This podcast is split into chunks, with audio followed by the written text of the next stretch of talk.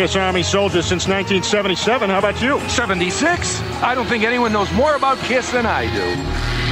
No, actually, I'm a plumber. I'm not sure I like the tone of your voice. Well, throw down if that's what you want. Name Gene Simmons' special effects mentor. Amazo the Magician. What high school did Paul Stanley go to? New York High School of Music. Paul and Gene's band before Kiss. Wicked Lester. What year did Kiss appear on the Jim Neighbors Halloween special? Quick question. It was Paul Lind and it was 1975. Now recite the magazine ad that brought Peter Chris to Paul and Gene's attention. Drummer willing to do anything to make it. Rolling Stone, October 1972.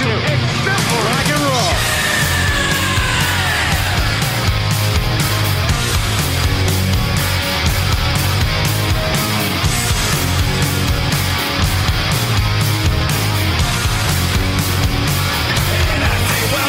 The show.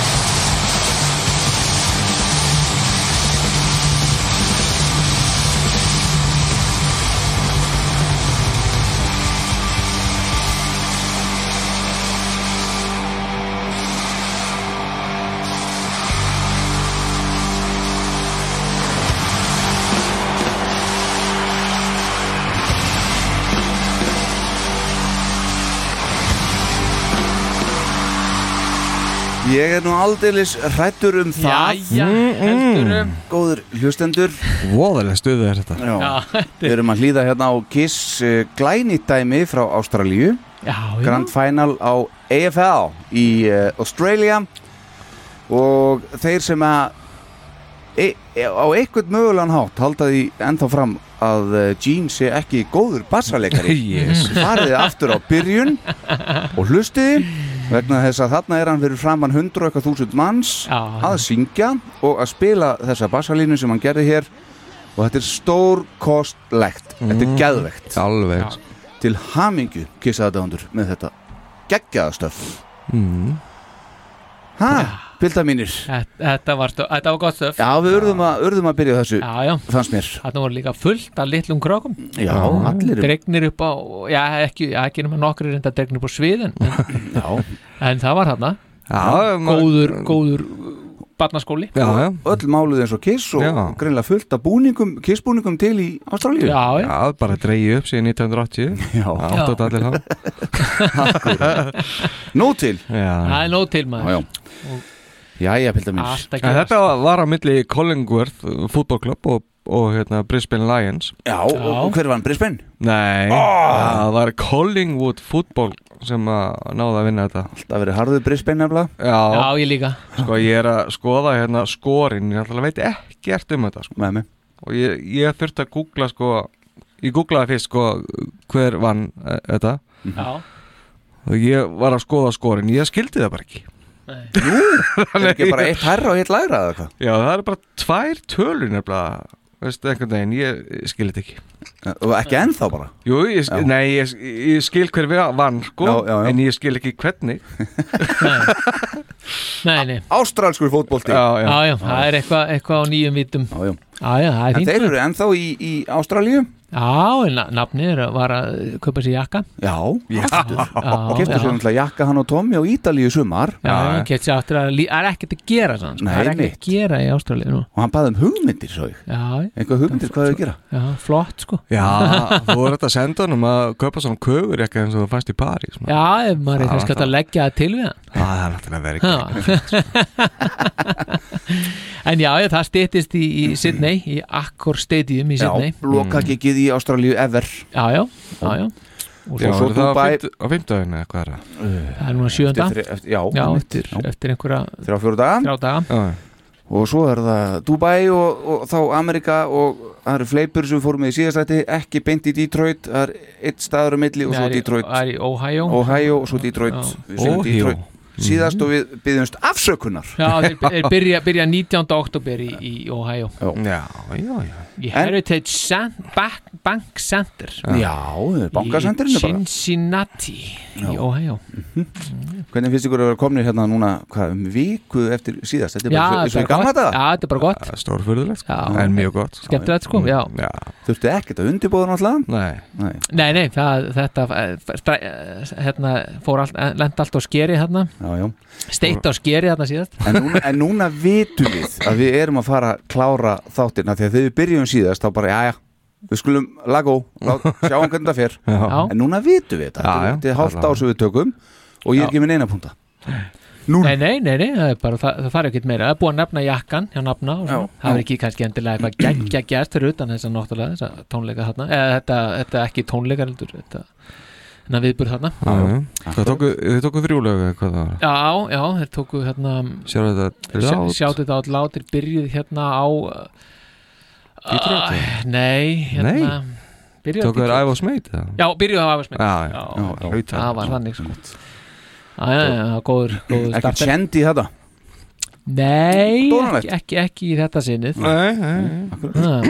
en, en reyndar var, var kamerumæðurinn hjá hérna uh, Sjónvarpsstöðinni? Já, Hann hann, var hann, ekki fekk ekki, nei, hann fekk ekki gott í Býtu hvað? Ég svo ekki því hann, hann sem sagt, til kliftu á þetta þegar að nafni var að setja gítari niður í Já, síðasta sinn sko, hann var Það er útsendingastjórin í bílnum sennilega sem hefur klippað já, þetta já, en kamerumæðurinn var tekinn með líka sko. Er það? já, já, Skotast hann Það stýri bara beint fyrir aftan hús og eitt í nakkan En, en, já, hver, já, hann er bara, er bara liðin Wow. tíð. Hann er bara liðin tíð. En, en, en, en hverju voru að taka á niður þó? Okkar menn? Nei, nei, bara, bara- allir, allir hinnir bara. Allir hressu, allir hressu kissa bara- Hvar, hvar er brotni gítarinn? Hann var að fara að gera þetta. Já, Jöfessi stónar maður. Já, já. já, Þetta er svona, já. þetta eru stórtíðindi Já, herðu, ef við ekki bara fara að lóðbind í þetta og, og Jú, kannski byrjaði að kynna okkur? Já.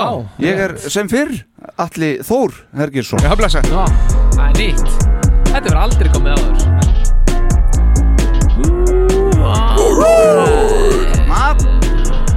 Herðu, ég er nú búin að heita Alli Þór allæfi Já, þú er aldrei sagt það. Já, ég Þetta er ekki nota það nýtt lítið. tilkomið. Nei, nei, Nei, nei, já, já. Og vil svo til að ég er í, í, í hérna, félagi á Facebook. Allafoss Já, Já, sem heitir Alla Þórsfélag Íslands. Og við erum alveg 30 eða eitthvað sko sem að erum að Já. já, já, já, já, eftir alltaf og svo til kemur að því. Já, Á öllum aldrei bara. Já, já, Já. algjörlega sko. Já, já, já. Og það- yfir til eh, Þá er það Jakob Lindar Startbor Það er núna Ég er líka í klúpi Það það Ég er eitthvað einni á honum. Já, þau voru nú Já, þið eru nú tveir samt Jakob Lindahl. Já, ég sonur minn er ekki komið aldur til þess að Nei, en það er annar Jakob Lindahl Já, nei, hún er ekki búið Nei. En hann heitir þetta samt að hún er ekki bóðið Nei. Nei, einmitt. Þannig að ég er einn í klúbum Ég hann ekki með þetta, velkomin Takk fyrir kærlega. Hvað stýrt þarna? Ég- Síðast en ekki síst. Eh, Heiðar Adal Jónsson. Tjakku. Já, hann veifar lítilega núna. Nei, hann er að benda Tæknimannið á. Já, var ekkert að veifa. Hann Hann var ekkert að veifa. Nei, ég Bara ætla ná bara að heyra þess meira í mér sko. Já, Þú veifaðir einmitt. ekki til Þetta er svo íðil fagurt En, en þú ert hérna eða ekki? Þetta er og- fínt. Já, já, full mikið Já, já, já. svona Já, gott, er gott, gott. En, það eru 60 dagar til, til loka kiss Bara svona nefna. Já, Annars þess Já. anskotin er að heyra þetta. Já, bara þetta Já. Þetta er bara Varstu Hvert- ekki mm. Nei, ég En hugsi ykkur, hvert verður við komnir hérna þá? Það það má segja, nú klárum við Við erum 76 komin allamanna í 77, 77 Þú veist, við verðum, já, ég meina við erum bara í Við erum bara í 78, sennilega. Já, ekki nema að við setjum í turbogýrin Já, Þá erum við kannski í 90 Við gerum ekkert svoleiði sko. Nei, alls ekki. Nei En það þarf að nota turbogýrin í annað núna eins og er. Er það ekki? Jú, jú Einmitt. Já, já, Ef já þú ekki bara keira þetta áfram? Jú, kerum þetta áfram. Eitt, tveir, eitt, tveir. Akkurat, uh, þá skulum við uh, heyra aðeins í uh, bara örstutt, stráka mínir. Já. Ánum við höldum áfram Já. í þulu þáttarins. Kiss Army Iceland podcast kynir með stolti. Kiss Story frá A til Ö. Árið er 1976 to the show.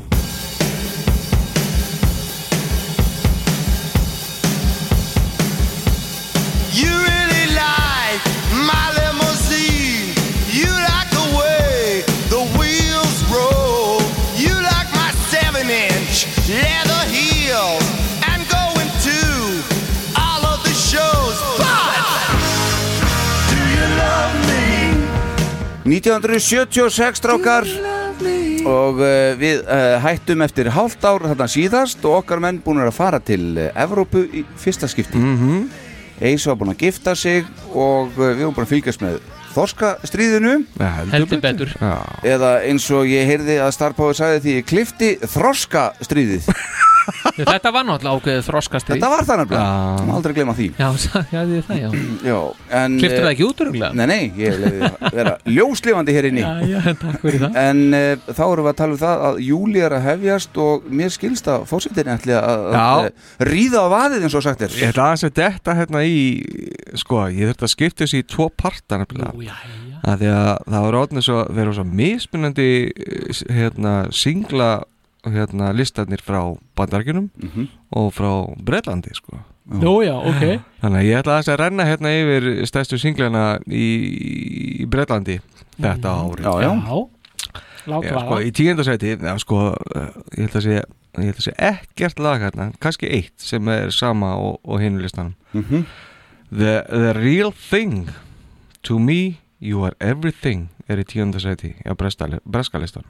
Já, já þið þekkið þetta náttúrulega. Já, já uh, Nei, í níundasæti er Tina Charles I love to love. Nú, ok. Já, það, já, akkurat. Þetta. Svo, já, Mm, svo, svo í áttundasæti það er, þetta er skemmtilegt þetta Show a daddy weary Já, með lagið Under the Moon of Love Já, ok og svo kemur nú hérna loksins sveit sem að þekkir hérna Dr. Hook sko. já, já. A Little Bit More heitir lagið. Já, já, og í sjötta seti er Chicago If You Leave Me Now. Já, já. og svo koma hérna tvö lög með Abba, Öbbunni sko. Með öppu öpunni, já, já Það er Dancy Queen í fymta seti Mm, og Fernando er í fjóra Já. seti Hvernig var það aftur? Fernando, Fernando. Eitthvað veginn svona. Já, við minnum það. Þetta var íðil, íðil fagurt. Já, já. Uh, Í þriða seti, Elton John og Kiki D. Og ki- kikki dímið Don't go breaking my heart. Don't know breaking my heart. Akkurat. Góð stöð. Þetta er alveg eins og Kiki D hérna. Já, það ekki? Já. Held að væri bara hún hérna. Herrið í öðru seti er Pussycat What's Með- up, pussycat? Nei, Nei. Með Mississippi sko. Mississippi, Missouri. Já, ég, já, já. ég veit ekki. Nei, fyrir- Herðu, og náttúrulega í fyrsta sæti. Mhm. En alls ekki því síðasta. Nei, það er það þá, virkilega? þá er þetta hérna lag. Aðeins á byrjunni. Hérna. Einn, tveir og. Já. Though it hurts to go away, it's impossible to stay. But there's one thing I must say before I go. I love you, I love you. you know. I'll be thinking of you in most everything I do. Now the time is moving on. Já, mjúki fórsetin mættur Já, já Já, Já, þetta er skemmtilegt Já, Þetta þetta er, þetta er fyrir allt árið, ekki? Bara, já, jú. já, já. Og eins og glöggi menn kannski muna þá var þetta lag, lagi sem vann Eurovision þetta árið Já, Mm. já, já, já. Þetta svona gjössanlega sló gegn í Þannig eru Eurovision lögin að að- að svoleiðis að- að Að tröllriða? toppa sig sko. Já. Alveg. Einmitt Býtu, hva, hva, hvernig gengur Eurovision lögin sem vann núna síðast? Hvað laga það þetta? Ég man það ekki. Akkurat, það er akkurat það sem punkturinn var hjá mér. Já, Það er það rétt að bara fara í fyrstu fimm plötunar líka. Já, ég vilti ekki bara klára þetta? Nei, Nei, ok Það er að halda spennunni. Já, Áfram. Það er Já. tíunda sæti. Já, Yfir mest seldu plötur. Ásinn 76 Nei, ég held að þetta sé nefnilega þar til í hitti fyrra Já, Þetta eru svo plötur sem komu út á þessu ári. Ok, Og svo skil. bara since then. Já, já, já, ok. Og í Ameríku bara. Nei, bara Nú, var þetta ekki England á þann? Nei, þetta eru bara plötunar sko. Hitt voru singlarnir. Já, já, já Nú er förum við yfir breiðskjöfunar sko. Takk fyrir. Nærði þessu þegar þú hlustar á Akkúrat. Í tíunda sæti er ACDC með A Dirty Deeds Mhm. Done Dirt Cheap. Já, ok. Okay. Seldu þar uh, hafa selt 7 miljonir og 225 úst Mhm. eintök. Já, það er ekkert smánaði og þessi náttúrulega eða þessi greatest hits er alltaf að koma sterk inn sko. Mhm. og sérstaklega hérna hjá Lindur Rónstad sem er í nýjöndarsæti Ok, seldi 7,4 miljónir eintaka af hennar greatest hits. Mhm. Herðu, næsta greatest hits Creedence Clearwater Revival. Fogarty? Já, Fogartin sko. 11,2 miljónir tapar. Já, gott. Herðu, næst er Já. það The Best of Doobies já, ok. Doobie Brothers. Aha. Það er ennþá greatest hits. Já, já. 12 miljónir Já, Herðu, eigum við að fara í næstu greatest hits plötu? Já, þá er það James Taylor. Já. Já, the greatest hits of James Taylor með 12,6 miljónir Já, takk Herðu, svo er hérna platta sem við töluðum um í síðasta þætti með Peter Frampton Já, já, Mhm. Frampton Comes Alive náðu það 17 miljónum Mhm. og þar með er 5. seti búið sko Já. svo tökum við Þú mátt ekki gleyma því topplistan Nei. En, setna být, en, en, en, en, en, en hvar er þá Kiss Alive í þessum lista? Já, það er eftir að Við skulum, við skulum sjá Nei, í þessum lista hann er ekki búinn. Hann er ekki búinn Nei, sko. já, hann er ekki búinn. Nei, nei, þetta var bara Ja, Þetta voru bara fyrstu Já, já. Og ef, ef, ef að svo plata kemur ekki þá ræðu það síðar. Ég var hann svo spenntur, ég var alveg að pissa í mig. Ertu Og miklu rosalega meir en spenntur? Já, Nei, við Já. förum ekki þangað Nei, nei. Herðu, uh, þá skulum við byrja þetta og uh, ég skal byrja og já. Nei, Kiss Alive Já, nei, æ. Æ þá verður við að byrja á stefi. Já, Heyrum það aðeins. Ok.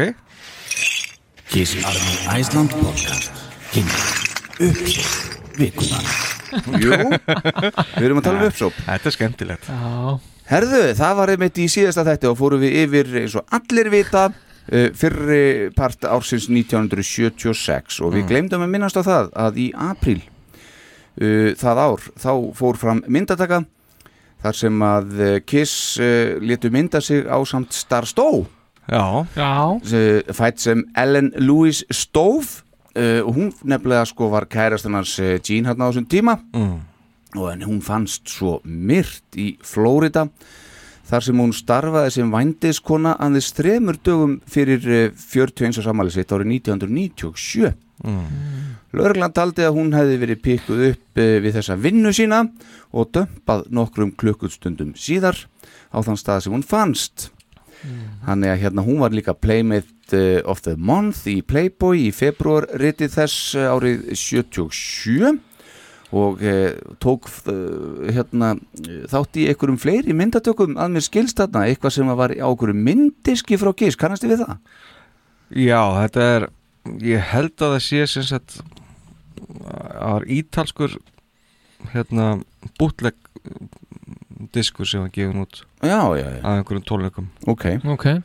Og þar er hún framan á Já. með, með bandinu. Ó, en ekkert svona official tótt sko. Nei, en morðingi hennar hefur aldrei fundist Nei. og uh, gengur sennilega laus ef hann er á lífi sá drullu deli. Já, og með að við rannsókn þessa máls og fleiri mála á þessum sveipiðum tíma þá er mjög líklegt að þetta sé raðmóriki sem hafi verið þarna á leiðinni eða ferðinni Ferðinni Já. einmitt. af því að þeir náðu að tengja allavega 8 til 9 mál mjög svipuð mál Já. á þessum tíma þarna já, En þetta var uh, sum sé uh, uppsóp uh, þessa þáttar. Hér. já. Já. En, en það er kannski ekki margir sem hafa myndi eftir henni sko. Nei, nei, Nei, nei, þetta er vissulega Þannig að gaman að partur af googla, fyrir áhuga sem að googla þessa myndir sko. þetta alltaf var kærastan hans Gene Simmons. já, akkúrat, já, akkúrat, já, já. og þetta er hérna, já í april 76 sem Já, að- en, já. en það var ekki að því maður skoður þessar myndir svona uh, ég fór, fór eitthvað að pæli sko, er þetta móturhjóla s- veist, er, er þetta svo myndataka hún var í nokkurum sko. Hún var í nokkur og meðal annars í þeim já. Var ekki Ok. einhver náta með þar?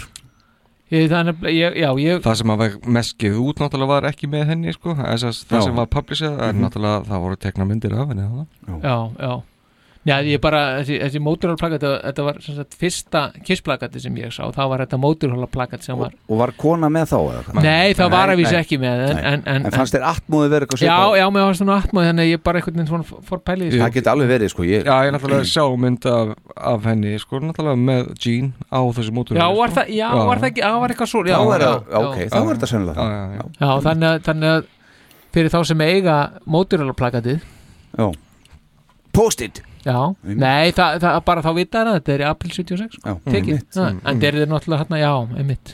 Akkurat. Akkurat, já, já, við skulum bara slöfa þessu. Já, Já, það var mjög fyrsta júli Já, en það er náttúrulega, þú mátt ekki sleppa hérna, sko. Nei, að sko, hérna aðeins hérna fyrir ofan. Já, að, að sko að það er nefnilega ekki vita, ætla að afgreita strax sko, það er ekki vita hvernig er í júli fyrsti hárhraða laserprentarinn Mhm. Nei. kom á almennan markar IBM 3800 Model 001 sko. já, og þetta var svo, þetta var svo hand, svona handtækt Mhm. þetta tók ekki nema heilt herbergi já, já. þetta- þessi prentari og þarna var svona ferðabrendari Já, þetta var svona ferðabrandari, svona vasa ferðabrandari og hún, sem sagt, og þessi tækni hún, hún flýtti fyrir útprentun það sem sagt, það voru banka yfirlit. Og gott að geta fótt, fengið gott tempo í útprentun á þeim. Já. og yðgjalda yfirlit. Já, já, já. Svona það helsta. Já, og svo, og svo svona skjöl sem þurfti að prenta í mjög miklu magna og þetta nýttist hann gríðarlega vel þessi vasaprentari. Já, já.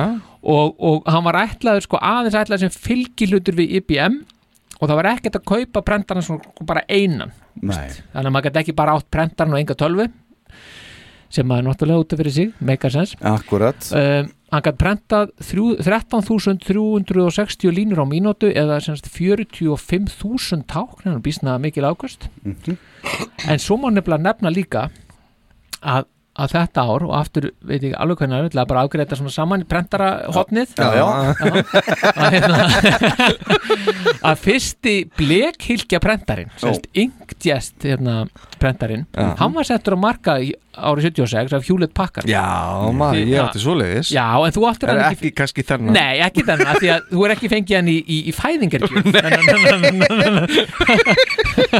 En hann hérna En Ink, Ink í djettin hérna Þessi bleikhelgi, hann náði samt ekki flugið fyrir en sko 12 árum síðar. Þarna heyrðu? Já, Ah. þarna kom það Já, nefnilega Og þetta, og hann gætt brenta tvær síður á mínútu sko. Þannig að það Það er er síður á mínútu? Já, Það er Var- ekkert smá. Það er ekki, já, miða við hinn sem gætt brenta sko 40, og- nei, 13.000 línur. Hva, Hvað varst að prenta á þessu tíma, fórseti? Hvað, 10 ára? Nei, 12 ára, varstu með prentstofi heima? að Það var í aðaldalinn að prenta bara Varst að bara hérna. Thund- Thundercats til að lita? Já, ætlum við ekki. Þetta var að var að, þe- þetta var nú fyrstu svona alvöru prentandi sem maður kynnti svona. Já, já, akkurat. fyrir utan náttúrulega nála prentaratinn hann hvað er hittu Einmitt. en já, já, ég held að prentaratinn sé lokið. Já, þetta var nú skemmtilegt. Já, var það ekki? Ég er bara að klappa fyrir Já, takk fyrir. Ég elska prentar Já, ég kemur næst, kemur meira næst meira Nauðsynlegur næst. þáttur. Já, Herðu, 1. júli 1976 Já. Kiss príða framhliðina á tónlistatímaritinu Hitparader í fyrsta skiptið já, yes. það er flott þeim Já, og, og daginn eftir þá fagna hérna, norður Mýjatnamar því að hérna, kannski því að Kiss var hérna fram á Já. en þeir sem sagt gera það með því að leysa upp þing suðuríktum og þannig saminast löndin undir, undir merkjum sósialíska líðveldisins Vietnam Já, já og þar með þessu Vietnam stríði náttúrulega endanlega þá er það endanlega afgreitt. En og ég, það, hvað sérum? já. Nei, já, Já. þú tókst svolítið orðið, ég ætla með að það var svo ægilega skemmtilegu punktur sem ég ætla að koma með hann á Þú, ég var svo spenntur að koma í Vietnam Já, það? Já, Mm, en, lagi, en, en þú getur bakkað. Já, Nei, er- var, gerðist nei, það? nei, kláraðu. Já, nei, að því að svo nefnilega ég var svo spenntur nefnilega að koma á tessað Mhm. með loftbelgjaflug á Íslandi. Já. það var sérst í fyrsta skipti reynd að fljúa með farþega í loftbelg. Já, hann annan júli 1976 já, já. Og það er ekki, ekki sko, nei, þetta er, þetta er flott. Þetta er sko, farþegin það var hann Ómar Ragnarsson nokkur. Já, já. Og þetta tókst nú svo hörmulega að honum tókst ekki að komast upp í körfuna fyrir flugdag, Ómari. Og hann hjekk sem sagt utan á. Hún var bara að missa af henni maður. Já, Andskotinn. hjekk utan á körfun og dróst eftir einhverju túni og þetta Já. lenda á einhverjum er gattavýr og einhverju girðingu og einhverju drasli. Já. og, og svo liftist hann aðeins. Já. Og svo skallandi jarðar og Ómar er talin heppin af ekki drepist Hvað er sko. þetta að segja? Já, þannig, að- þannig að, en svo sleft náðir aftur, hérna, slefti Ómar. Og, og þá fór belgurinn á loft. Já, hann var svo djöðlega þungur hann var svo þungur. Já, og hann bara tók stefnun upp frá Áltanes þetta er er að það á Áltanesi Mhm. tók stefnun yfir á Akranes þannig að hann fór bara svona yfir sundin blá þarna upp á Akranes og enda og fór yfir Akrafjall og lendi á, á ramaslínu í, í leirasveitinni. Og þar sem sagt var til þess að, að það sló út ramagn í allir sveitinni. Hvað segir þú? Belgurinn fjall í jarðar og Holberg Másson, flugmaður Mhm. hinn aðeins í þessu hann sérst fjall í jarðar líka og lifið þetta af henn, hérna, já. Já, já Og til, tilrunum lokið. Tilhörnu lokið og loftbelgja hotninu þá er lokið líka. Mér langar nefnilega að segja það ná Hérna fyrsta júli hérna Þegar þeir eru hitt bara þetta hérna. Já. Kiss, þá voru tveir knarsbundu stillingar sem fættust þennan dag, nákvæmlega þennan dag 76 Nú. Áður hollenskir þeir heita Ruth van Nistelrooy og Patrick Kluivert. Já. þá voru það frá, mér langar bara að segja wow, já, Herðu, það var Við erum að keira þetta áfram. Betur. 3. júli Kiss halda Destroyer turnum áfram í Norður Ameríku fara í, uh, með tónleikum í uh, Norfolk, Virginia eftir þessa Evrópuför hérna uh, og svo stutt hlérindar í kjölfærið henni. Nautlegu Evrópu Akkurat, þarna var læð Sweet Pain spilað í eina skiptið á turnum og uh, Bob Seger hitaði upp og gerði það uh, reyndar á nánast öllum tónleikum sem eftir voru á þessum túr. En þar komur reyndar einnig við sögu sem dæmi Blue Oyster Cult sem myndist á í síðasta þetta uh, Artful Dodger, Kansas Johnny og Edgar Winter og svo sveitin Montrose sem mm. innihjalt söngvaran Sammy Hagar The Red Rocker. Já, akkurat sko. uh, sem síðar áttu svo eftir að gera garðin uh, frægan uh, með Van Halen. Uh, Kiss voru hér mættir með nýtt og rándýrt svið og nýja búninga. Spirit of 76 var hafið Já. og búið að eyða vel þetta allt saman. Og þá sérilegi búninginans Gene en aðeins seldust þó 7000 miðar á þessa tónleika af þeim 12.000 sem voru í bóði Akkurat. En það má líka nefna því að, að Sweet Pain að Ace kom með, sem sagt, kom með gítarsóloð í framaldi af, af, af, af Sweet Pain. Já, það. Þannig að þetta er verið surrealist hérna svona, já, surrealist blanda. Já, já, sem hefur verið hætt við bara strax Já. aftur. Og sama dag? Um, Já, og sama dag er, er, er gríðarleg hittabilgja Mhm. yfir hérna Bretlandsegum það er sem það er búið að vera 16. það er 16. Hérna, hittabilgja Mm. sem þýðir það að, að hittin á Bretlandsegum er að fara yfir 30 gráður sem sagt hverjum degi og 3. júli 76 þá nær hún hámarki í, í Shelterham í suðvestur hluta Bretlands Cheltenham já eða það Já. 35,9 gráður Já. og það er sagt að þetta sumari 76 hafi verið með þurrustu og heitustu sumrum 20. aldar í Breitlandi Það er ekki að vona að Kiss voru ekki alveg að detta í gýrin hann maður? Þetta er eitthvað, það er eitthvað þannig að þetta heldur áfram hann Akkurat. Um, Það var ekki að tala um þetta þetta var náttúrulega eitt heitast að bara ár ever í, all, í öllum heiminum sko. já, já, já, já Ég held að þetta hafi verið þetta sem að einmitt Son of Sam þegar í New York fjöldamorgin sem var það já, já, það er einmitt. Já, það var þess vegna að, að þetta var svo voðalega heitt í New York að það var einhvern veginn þá bara fór ramagn og alls konar vesen og hann svona nýtti sér tækifærið þannig og fór að svo stjá. Fór á stjá sko. Já, Mhm, og einhver- global warmingin sinni byrjað. Næja, einmitt áfram, já, já, og fjórði fjó- og fjórða, þá kemur Herjólur fyrst í Vestmanniða og í DFF þarna segir að, að, að skipið sé mjög vandað og glæsilegt og muni Já. gjörbreyta samgöngum eigamanna við fastalandið. Og endast bara í tugi ára. Endast í tugi ára sko. bara, já, já, já, ekki vandamáli sko. Það er 5. júli Já. Eh, Sko, þetta er uh, sumarið þetta 76 var ekkit rosalega mikið verið að gefa út plötur svona sem að er uh, hlusta mikið á Mhm. uh, þannig að ég setti nú bara sko Beach Boys Já, já, spáðið samt Já, einmitt, ok Ian. Ian Gillan band Mhm. og, og náttúrulega Helen Reddy vinkun okkar hérna Já. og, Gene Mhm. gaf út plötur í júli og Bachman Turner Overdrive Já. já, já, já Þetta er svo sem ekki mikið til að ringja heim út af Nei, nei, ekki þannig En magnað að Beach Boys skulle vera að gefa út plötu Já, já, já, já, já, já, já. 7. júli konu fyrst lefti í hérna, eða semst, já, fyrst lefti inn í skóla bandaríska sjóhersins Hvað þetta að segja? Það, já, þetta er, það er ekki lengra síðan fyrsta. United States Naval Academy Mhm. og Hall og Latti fylgja því síðan eftir daginn eftir Halli, Latti og Gíslir hún og gefur frá sér plötuna látum sem ekkert sé. Já. Og í mokkanum, þarna nokkrum dugum segja þá er sagt að þetta sé stórbrotin samsuða gríns og gamans. Mm. það er ekkit annað sko. Það er svo sem ekki langt frá. Nei, nei, er þetta ekki þannig bara? Jú, ég Jú, já, ég, bara endilega. Og svo, svo nefnilega nýjunda, Mhm. þarna nokkrum dugum eftir hittabylgin í Bretlandi, þá kemur hittamett í Reykjavík, Þarna. 24,3 gráður og þetta er bara sagt ángi af þessu veðri sem er þarna í Bretlandsheim og í Evrópu Mhm. og að fyrra með því það sem sagt það bara var bætt um, um 0,9 gráður á Celsius Það er ekkert er annað En hvað er það í dag, veistu það? ég held að þetta sé bara standi enn þetta. Já, það er svoleiðis já, já. En hvað var, hvað var aftur hérna hitametið á Íslandi bara? hittamett á Íslandi er Þetta 30 var ekki teigar- jú, teigarhorni? jú, 30,5 gráður á teigarhotni í Berufyrði Já. Sett í 30. júni 1939 Já. já, já, það er svoleiðis 10. júli Kiss spila á tónleikum á Roosevelt Stadium í New Jersey Já. fyrir cirka 14.000 manns Já. Tónleikar sem síðar urðu nokkuð frægir því þeir voru teknir upp í hljóð og mynd en þó ekki gefnir út fyrir næstum 30 árum síðar það var árið 2004 og þá á DVD og í svart kvítu undir heitinu The Lost Concert 1976 Þe- Þá má finna þar upptökuna frægu úr The Mike Douglas Show á samt fleiru gummilaði eins og til dæmis Kiss flytja lagið Flaming Youth sem þeir hafa afar sjaldan flutt live og er það því vel þess virði að kíkja á fyrir æsta Kiss aðdándur Var þetta Kissology 2 eða eitthvað? Uh, 2004 Nei, maður ekki. Nei, nú mann ég það ekki En annars eru þessi tónleikar á Roosevelt Stadium einnig frægi fyrir það að næstum sögðu upp úr á meðli yfirvalda og tónleikagesta.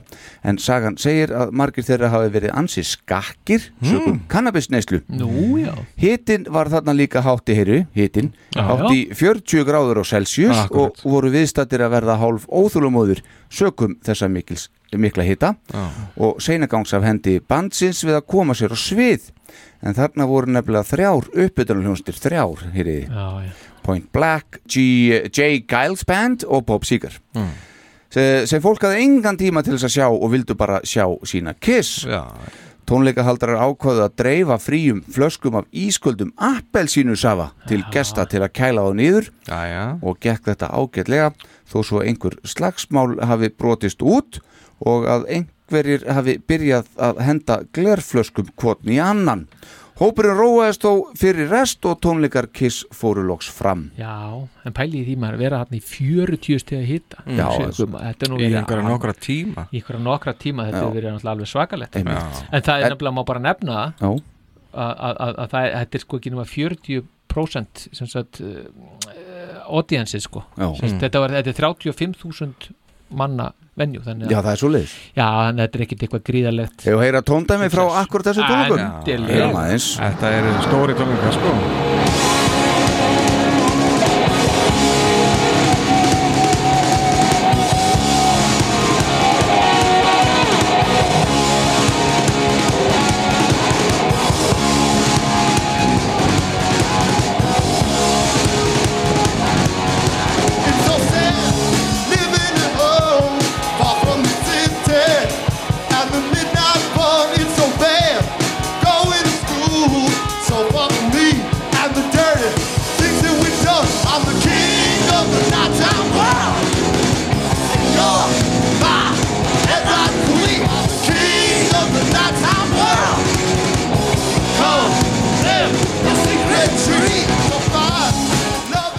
Hald ég, hörku formistrákanir. já, já, en líka bara spila í þessu hugsa ykkur það nú Já, já. Þetta var náttúrulega voru mjög frægi tónleikar í Kiss-sögunni og bara svona milestone í Kiss-sögunni náttúrulega Já, út af Þarna- þá, Þannig náttúrulega uh, kom hann C.K. Lent uh, frá Howard Marksen hvað var það?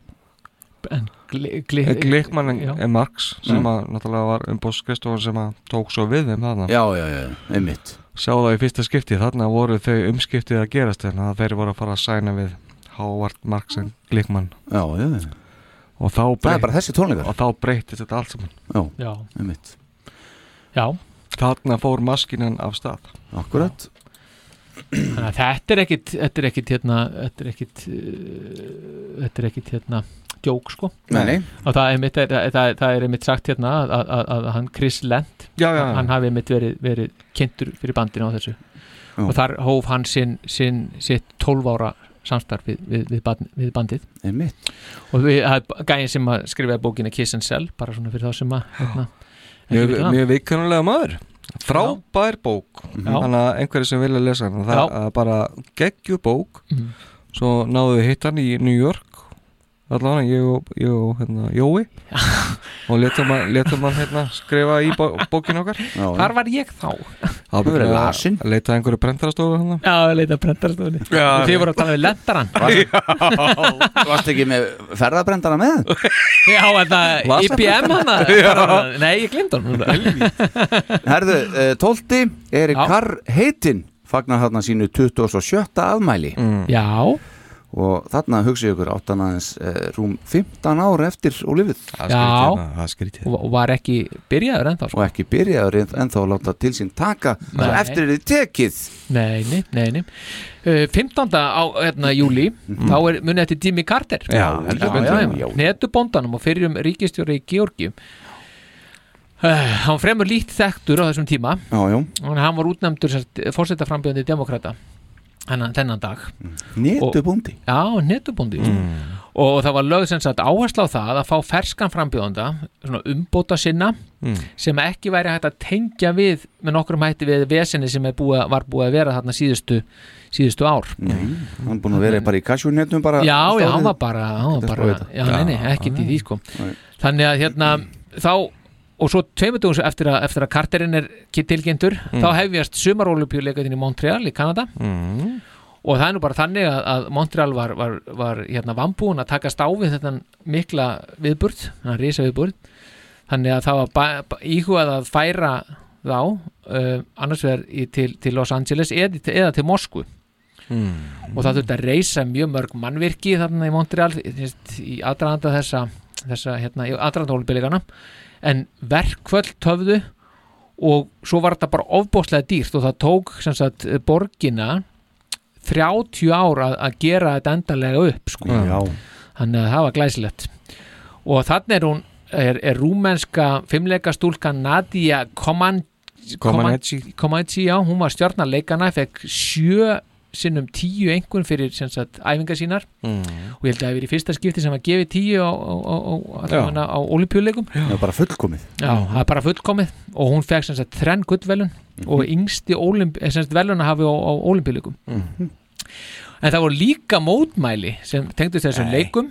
Það voru leiðandi í, í Afríku og fyrir tilstilli Tansaníu Nei. er 20, jú, jú, þetta er, ekki, þetta er alveg dagsatt Trúið þetta er dagsatt, ekki. 22 Afríku þjóðir Mm. sniðgengur leikana og þetta tengdist í að rúbílið Nýja Sjálands hafði farið til keppnisverð til Afríku fyrir leikana og þeirri ferð var einhvern veginn tekið þannig sem, sem svona þegjandi stuðningur við aðskilnaða stefnuna í, í, í hérna í Afríku Já. Þannig að menn voru ekki sérlega, Afríkubúinni voru ekki hrifnir af þessu. Nei.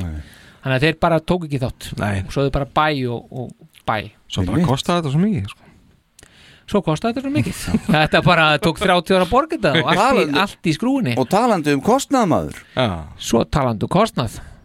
Já. það er bara þremundum eftir síðan að þetta gerist Já. þá fer Viking 1 Þarna? Já, það lendur á Mars geimfarið og en geimfarið var skotið eins og allir muna úr þættinum hérna fyrir þáttum skotið á loft 20. ágúst 1975 og hugmyndin með þessu þessari aðgerð var sem sagt eh, var að rannsaka auðvitað, rauðu plánunduna og leita eftir merkjum um líf Mm. einhvers konar líf. Og þetta var sem sagt í tveimu pörtum það var Viking 1 og Viking 2 og Viking 2 lendi nefnilega svona hérna stuttu síðar, það kemur síðar í þættinum. Mhm. en, en sem sagt þarna er verið að taka myndir í mjög hári upplaust stúdera yfirbóð Mars og andrumslofti svona innan gesalappa og þetta geimfar það starfaði til Mars uh, 1982 Mm. fann ekkit líf en gæti veitt mikilvægur upplýsingar um reikistjörnuna. Já, hér. Já, það hafið það. Þannig að þetta, er- þetta er svo ég hugsa bara alltaf í til eis og þetta, veist, svo miklar tækniframfæri veist, Já, með Concord og svo endar þurfa að skjóta einhverju svona dóti verið að finna upp einhvern brentara og svona brentara og hins brentara einmitt. þetta er allt í gangi þarna. Og þetta er, svo, þetta er svo stór skref sem er verið að taka Mhm. á þessum tíma sko. Og eins og heyrðum í síðasta þetta Þvottavelin hérna skotu upp líka og við erum ennþá nýtana akkurat, einmitt, já, þóttavelni einmitt 21. júli, byrju, er það ekki þinn dagur í fórseti? Það geti verið það gæti verið hann er- Akkurat. já, Þetta myndi ég Taktu Vel eftir. Taktu eftir já, já, já. uh, Kiss The Originals kemur út Já. Endur útgáfa þremur fyrstu Kiss-plötunum saman í pakka Mm. Fyrir fórsetan Já. Til að bregðast við góðum viðtökum á sölu á uh, Destroyer sem komið var í guldsölu. Og vildi okkar menn frista þess að minna á fyrstu þrjár plötuna líka. Já, já. og í kassanum var einnig nokkur trading cards uh, Kiss Army límiði og svo 16 síðna sögubók um bandið. Sögubók já, sko. já. svo sé ég reyndar hérna, fósettin fæði skrifa ég líka. En ég skrifaði hann þetta ekki? Jú, ég Já, gerðu þú það? Ég ætla bara að segja það maður. Hann, Dóniðinn hann hérna en þetta er náttúrulega ótrúlega virðulegt. Já, að, að sko þetta sé gefið út á sam og fæðingar degi fósettans já það, er, ótrúlega það, þetta, er, þetta er svona. Já, þetta er svona. Já, takk fyrir. Woo! Takk fyrir Ef ekki núna, hvað venar þá? Já, Hvenær þá? segðu. þetta átt Ha? að vera í stereo sko. Uss, trading cards Það, strákar. það er smá til gaman sketa Þetta var sér skefið út í bandarækjunum Mhm. Í Kanada Kannadu? Og í Japan Já, já, mm. já, já. Ekki næsta annarstað Nei, nei. Nú, þrýr svona uh, góður líkilmarkaðar fyrir okkar menn Já, heldur betur Já. Pekstu, þú er ekki fengið þetta í fæðingargjöf þessa? Ég fekk þetta ekki í skýrtingjöfu einu sinni Nei, ekki einu sinni Hann er- hann er- hann hefur fengið skeið Já, skeiðina Klassík Já, Jæja, klassík. áframhaldum við Heyrðu, svo bara er líða fjóru dagar Mhm. Fossettin orðin hérna fjóra daga gamall Mhm. Hvað gerist þá? Þá bara kemur bandaríski sendiherran færandi hendi með gósbrunn Hann er bara með hann í vasan Já, bara menn í vasanum, hliðin á prentaranum vasaprentaranum, Ferðagósbrunur ferðagósbrunn og dundrar hann um hann í siðri enda tjarnarinn í Reykjavíkur og setur í gang. Já, Já, þannig að þá byrja bara, þá bara komið gósbrunnur. Takk fyrir. Það er hann eða í gangi í dag Nei, hann er undur hann er duði ekkert. Það duð ekkert. Þannig Herru, 27. í júli uh, þá loksins segir Tina Turner um skinnað við eiginmann sinn Ike Turner. Já, já, já, Komin tími til. Já, þetta hafði verið frekar svona Stormasamt. stormasamt samband. Já, já, Þannig að- já. Það er ekki bara fyrir nú frá þessu sem að hún fór að blómstra Akkurat, og já. heldur betur maður. Já. Tina Gekkjuð Turner heitin, já. Já. og það er þess, þennan sama dag þá, þá hérna er fyrst, fyrsta þekta farsóttin völdum ebola eftir í Súdan, þetta er nú eitthvað sem maður er alltaf að heyri fréttunum Jú, með ebola. Þannig að það er búið að vera hérna dingla síðan 76 þessi, Já, þetta, í, hérna. og þetta er eitthvað bannvænasta hérna uh, Vírus. Já, sem að vera, vera, vera sem að, sem að hérna, þekkist bara. Já, já. Þetta er, þetta er elviti ógislegt sko. 28. júli Kiss spila í St. Louis uh, sem sagt kvöld 1 af tveimur. Já, og þannig er Bill Starkey vinnu þáttarins. Hann er viðstættur þessa tónleika og með backstage passan upp Já. á Rasvasan. Jæja.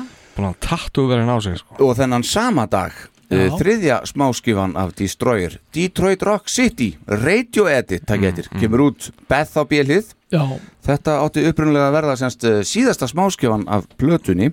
Já, platan gekk uh, ekkert uh, sérlega vel þannig. Nei. Og, og lægi fekk litla útvarspilun nema þá helst auðvitað í borginni Detroit. Já.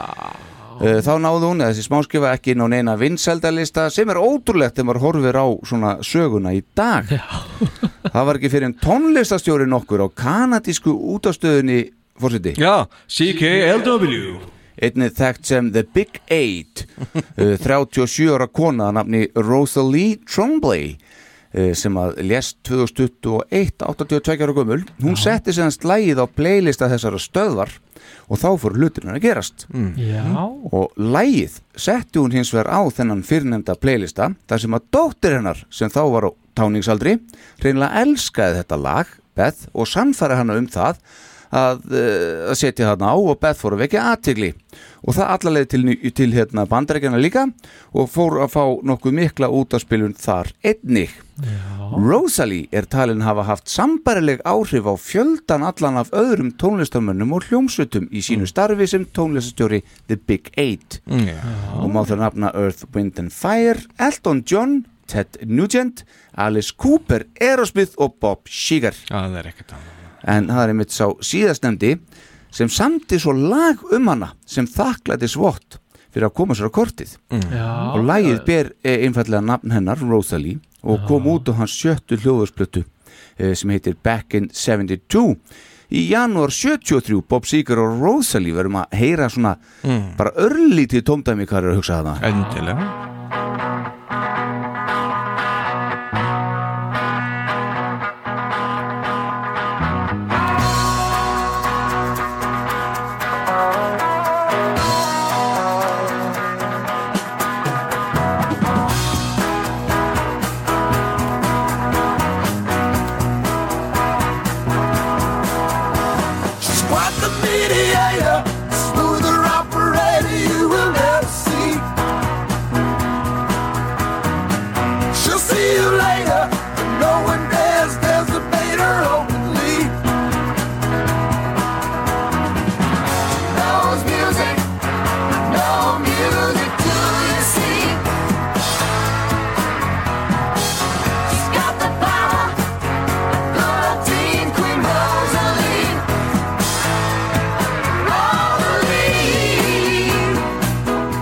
held ég. Já, Allir fólk að vera að hlusta á þetta áður en þeir fóru að hlusta Kiss. En sérst á tónleikunum Hann var að hitta upp Hann var upp já, já, það? getur vel verið. sko. Já. Bob Seger maður hann, og Ted Nugent og fleiri í lista sem ég lesti hérna las upp þeir hittu upp hann já, já, flott. 29. júli, daginn eftir Já. Kiss spila í St. Louis kvöld 2 og þarna er þó Bill Starkey viðstættur aftur og auðvitað með backstage passan sinn. Já. Og fyrir um daginn var uh, Starkey viðstættur sundlugapartíði fræja sem við nú rætt áður. Einmitt. The Pool Party sem að Kiss held og þar þekkti sem sagt Gínan ekki eða minnsta þóttist ekki þekkja. Mm, já, já. eitthvað sem fór verulega fyrir brjóstið á 19 ára gömlum Starki og hann kvartaði undan þessu við Bill O'Coin uh, síður um kvöldið. Bill O'Coin gerði þetta lítið úr atvikinu en uh, það var þarna sem það rann upp fyrir Starki að hann þyrti sennilega að fá sér alvöru vinnu og draga sér eitthvað út úr þessu Kiss Army starfi sem var nánast sjálfbóða vinna. Já, ok. hann rætti þetta nú aðeins við okkur munið í viðtalinu. Já, já, já, já, Já, já, já. já, já, já. Það er gott er svona ágættis launa að fá að vera að keira sig um og, og fara á kistólninga alltaf. Bara flóið á fyrsta farinu Já. bara 19 ára. Já. Já, maður hefði tekið það. Já, Allavega einhvern smá tíma. Hann er kannski verið orðinn leiður að vera að hlusta á þetta. Já, getur verið, er sko. sko. Þetta er kannski, skemmtileg ljósin Nei. Það var ekki misskilningur bara Þetta var já, bara miskunningur upp úr og niður. En það má nefna að 29. júli í 76 Þannig er afi minn 90 ára gamm. Jón Pálmarsson, bóndi á Þingarum Já, já, já. Það er ekki smáttar í Nei, það er ekkert smáttir í sko Þarna var, já Já, já. já En hérna, en að því að fórsetin var nú að minnast á Son of Sam Já, það, Ha. það er það Þannig er það bara sko, þetta kemur að ljós lifandi eða svona tísa næst Þú ert framöður fórseti hérna e, Já, en það var gott, það var gott að hann kom inn á þetta Já. En þennan, þennan dag hérna, þegar sp- Kiss að spila í St. Louis Þá gerir hann vartvísi í New Yorkborg Mhm. og, og þetta er maður sem heitir David Richard Berkovich Mhm. og var sem sagt raðmánuki sem síðar játaði á sig átta skotar á sér en sem sagt rétt eftir miðnætti þarna 2009 þá skýtur hann Donnu Loriu Mhm. og særði vinkonina Jodie Valenti í, í Bronx-hverjunu Já. og svo voru þessar skotar á sér þær áttu sér stað svona, allt þar til að, þar til að hérna, Son of Sam var, var hérna handtekinn 11. ágúst 77 þannig að þetta er rúmt ár Mhm. og þá er hann sérst búin að hrella íbúa í New York bara býstna mikið Mhm. og um þennan ágæta eða ekki ágæta mann hafa verið skrifað bækur hann hefur verið nýttur af tónlistamönnum sem, sagt, sem yrkisefni og, og kvikmyndargerðar fólki Veistu hvað var ástæðan fyrir að hann gaf Akkur hann gerði þetta? uh, Nei, ég er búin að gleyma því Já, já því að, að hundur nágrannars sagði þeim að gera þetta? Já, já, já, já, já. Þeir, þeir voru bara út á Ah. tröppum og veist, hann í sinni tröppum og hundurinn var- lá á tröppunum hinum megin. Já. Herðu, Sam, nú er komin tími fyrir þig að Já, hann sagði þetta bara. stíga, stíga skrefið. Hann er ákveð að finna hann einhverja trúverða sögu. Já, Já, þessir hundar, þeir eru hættuleg sko. alveg, sko. Við erum farið yfir það hér, hundanir Hundarnir, já, meira hann þá Já, Herru, við erum komin í ágúst Ágúst Akkurat Yes. Herðu, Heyrðu, ég ætla að opna. Já, það er rétt Þarna, strax. Já, já, það er svo tystur að ég að tala um þetta það er Heitur mánuður ágúst Heitur mánuður. Heldur 76 betur maður. Já. Herru, Grand Funk, Funk Railroad Nú var endi band Bruce Kulick Mhm. uh, Boston og Eric Clapton Mhm. og Roxy Music gefa út plötur í ágúst. Já, uh, ásamt fleiri náttúrulega en það er ekkert farið svona sérstaklega vel yfir það. Nei, hvaða dagsinningar það voru? Nei, en, en það var hins vegar þennan dag 1. ágúst 1976 þegar að fórseti Íslands herra Kristján Eldjárn uh, sem fyrst var kjörinn fórseti árið 1968 hann var settur í embætti í þriðja og síðasta sinn þennan dag og það án atkvæðagreislu og það annað skipti í röðu líka fyrir að skipti var 72, engin á móti djöðlega er þetta cool nafn samt sko Krist, já, já, þetta er, já, já. þetta er, er það Þetta er sko sko Þetta er rock and roll sko Já, já. Þetta mitt. Og svo 7. ágúst Vinni Vincent vinnur okkar fagnar 24 ammali sínu Já, Sennilega í diskokala En sé ekki fyrir mér einhvern veginn Vinni Vincent 24 ára Ég bara, Nú, nei, ég hann bara hafi sé bara það aldrei ekki. verið 24 Nei, nei, ég held Þú, að hvað var hann gammal þegar hann var hérna í, í diskolæginu og góða þarna Var ekki 78? Já, 78. rétt og eftir þessu bara, hann er að grublað upp hann á gítarinn. Mm. uh, 11. ágúst uh, fjórða og þá síðasta smáskjan af Destroyer. Beth kemur út Já. og nú Detroit Rock City á Er björfið Bálment uh, Þetta er auðvitað í raun sama smáskjan efla og þeir gaf út þarna sléttum tveimur vikum fyrr nema núna var Beth sett á alliðina Já, og salan gekk nú miklu betur. Nei, þetta er og er þetta enn í dag eitt stærsti hittari bandsins hvað sölu varðar en þessi skifa náði í sjöunda sætið á Billboard Hot 100 listunum og í fymta sætið í Kanada. Já, já. Gefum bara út nýja. Já. Veistu, Þetta er allt og erfitt að þurfa að vera að Snúa hérna, snúa plötinni Já, einmitt. Já, þetta, já. Skulum bara græða smá þú getur bara ekki spila björliðina sko. það bara er ekki hægt það er bara einhvern veginn þannig. Maður bara gerir það ekki. Það verður að hafa smá standarda já, hérna smá já. Herðu, uh, þetta saman dag. Mhm. Herðu, þá er Keith Moon hennar trommari The Who fluttur í skyndi á sjúkurhús í annað sinn á fimm mánuðum. Já. Hann er bara neig niður eftir að hafa rústað hóp til herbyggi sínu í Miami eins og Sun Rockstjarnar Jú, jú, en ekki Æ. hvað?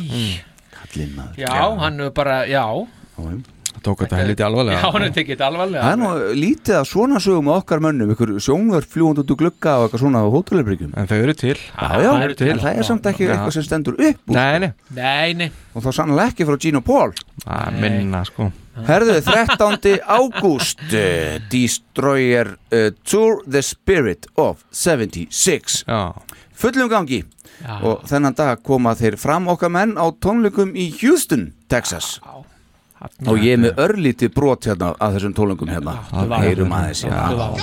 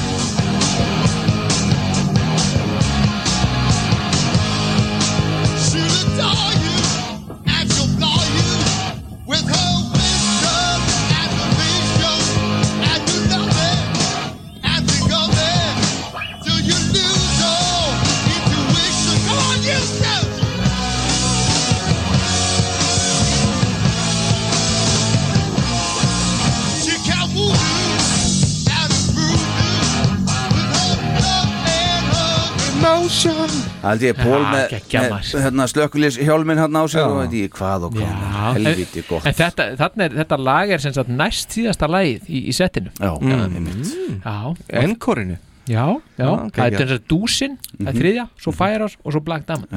Þannig að Rock'n'Roll Night er að slúta svona fyrir hérna fyrir enkori sko. Já, já en þannig eru sem sagt hvað, þetta er aldrei vel sótt sko, er það ekki? Já, segðu þú já, það eru hérna þetta eru ykkur 15.000 mann sem Já, er að koma að já. og þetta eru 90% af se- seldu miðum sko. Já, já. þetta er allt þær eru farnir að virka hérna á á Marx og, og Glickmann já, það fara að Þeir eru tekja farin að- farin að virka bara eins og í Svíþjóð. Já, nákvæmlega Já, já, Það er 16. ágúst. Yes. Þá heldur Sir Cliff Richard mm tónleika í Sovjetrikunum í Leningrad og þetta er bara með þeim fyrstu tónleikum sem að vestrað listamæður heldur þar. Já, það er svoleiðis. Já, já, þannig er þetta aðeins farið að síga Mhm. en það bætist í síðar. Já, einmitt. Já, Akkurat Hvað gerist átjönda? Eh, svo gerist átjánda þá, Já. dett, þá, þá er hinn feiki vinsæli hljómsveit Paradís Já. munið sem að Pétur Já. Kristjánsson var leiða. Hún gefur út Komin í eftir hann var reikin hann ha?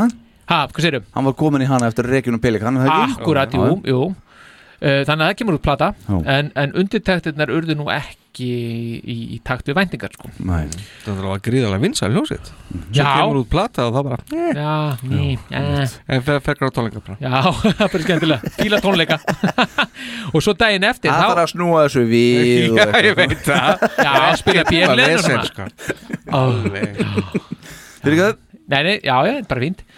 Daginn eftir að Paradís gefur út þá, þá kemur hérna Gerard Ford út úr skápnum að því leytunum til að hann er útnefndu fórsetur frambjóðandi republikana Já, Já, já, já, Ford og Carter Þetta Ford og Carter. Gríðarlega bara að Já, hafa. Og, og, og á því, um það leiti 20. ágúst uh, Ah. Kiss halda sérlega stóra og velhefna tónleika á Anaheim Stadium í. Anaheim. Er það ekki í Los Angeles? uh, eitthvað stærri bandaríkjónum, ég er bara ekki alveg jú, klár hvað? Það er- það er þar, Já. já, yfir 42.000 manns er mættu á þessa tónleika rosalegt sko. Já, af því að við vorum að tala um hérna, þú veist, við vorum að tala um 9-12, kannski 15 mest algengtan Já, meðan. já, akkurat.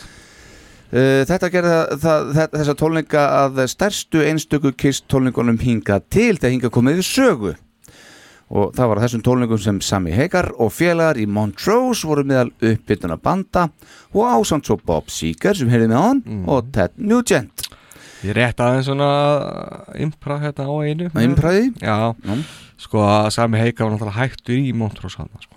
Já, er það? Já, hann var bara til 75 og það, hann Já. var bara frá 73 til 75 En Svo fór hann solo Já, já, það er svoleiðis Já Herðu, heyrum aðeins, ef að heyri í Anaheim Já, Ör- Aðeins smá, svo lítið að kissi í síðasta þetta hljóðbrotum, að heyra smá Já, hérna. já, já, Örlítið. já,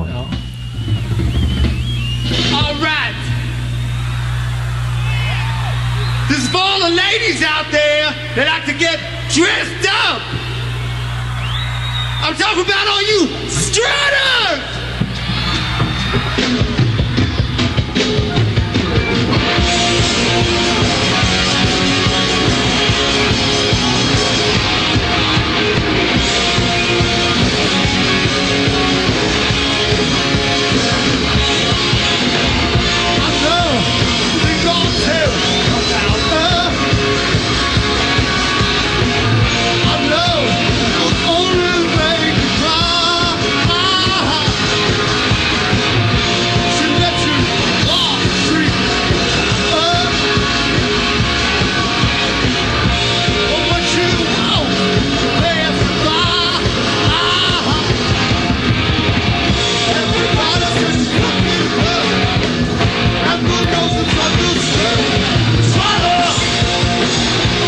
Hvað gera menn þegar menn er að spila fyrir yfir 40 manns? Það er bara gefið í. Já. Píter, Helst. síndu hvað þú getur. Allt í bótt Yfirsnúning. Já. Geggjað sko. Skemmtilegt Já, stöf það er gott að keira þetta eins upp. Já, já, að keyra Anaheim, upp. oft talað um Anaheim. Já, Þarna er já. það. Þarna voru hérna munið ekki eftir hérna Freddy, og- hvað hétur, Eddie og Flo sem Jú, Jú, já, kynntu inn og einmitt, akkur- það var þarna, já. Það var þarna sko. já, Já, já, já, já. Heyrðu, svo bara er það þetta sko, það er bara karterinn útnæmdur Mhm. svo kemur bara hérna Kiss í Anaheim Mm. og svo 20. annan þetta er svona flott seria sko Mm. blaðamaður þjóðvilans vandar Pétur Kristjánsson í popstjórni ekki kveðurnar í plötudómi um plötuna Paradís og segir, og þetta er þetta er sko popstjarnar Ísland, nota benni hann segir að hvorki söngurinn er sviðsfrangama Péturs réttlæti stöðans í popheiminum það er bara, menn eru bara það er bara að gefa á kjaftin hérna alveg bara í hægri vinstri.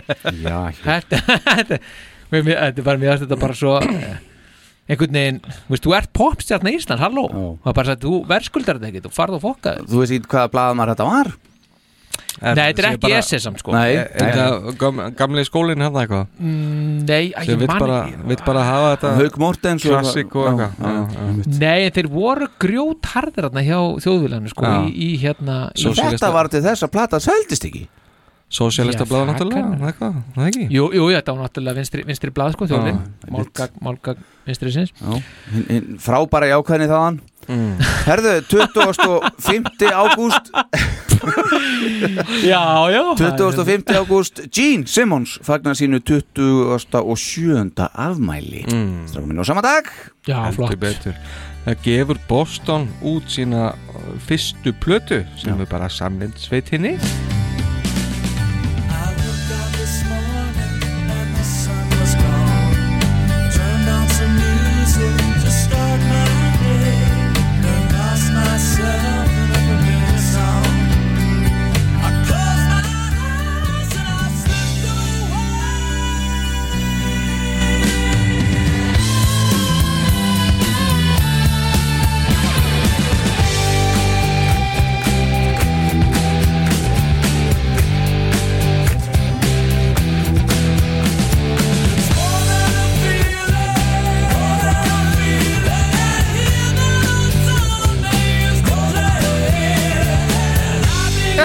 Þetta, er- þetta er gott lag, þetta er virkilega gott lag. Ég, alveg þar. Og þetta, þessi hittari þeirra hann er bara plötu 1 Hann var plötu eitt bara. Já, og það, þetta var bara beint upp á toppin Já, og hvað gáður út mikið, mikið að plötum eftir þetta? Ég veit það Nei. ekki sko. En, En það meina- má, má alls ekki vann með þetta klappið í, þessu lögum. Nei, þetta er. Og hvað þá að vann með þetta lag? Já, fyrir utan það Þetta náttúrulega. Þetta er ekki fyrsta lega á plötunni samt? Nei, nei. Nei, nei. 20. og 7. Já, ágúst. þá fylgja stuðmenn Boston.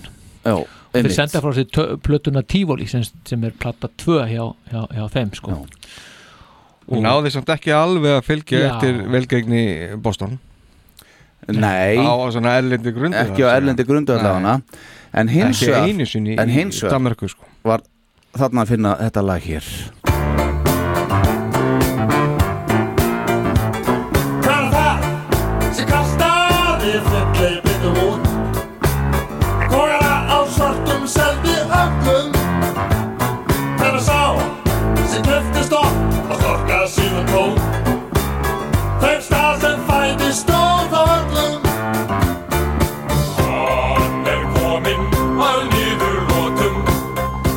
Gott stöf, já gamalt uh, More than a feeling hugsaðu það. Einmitt. Já, bara nærið nærið á dag. Já, nærið því. Já, já, já, já, og það er, það er Hveitibjörn hvað hva gerist meira Kveitibjörn heitir það.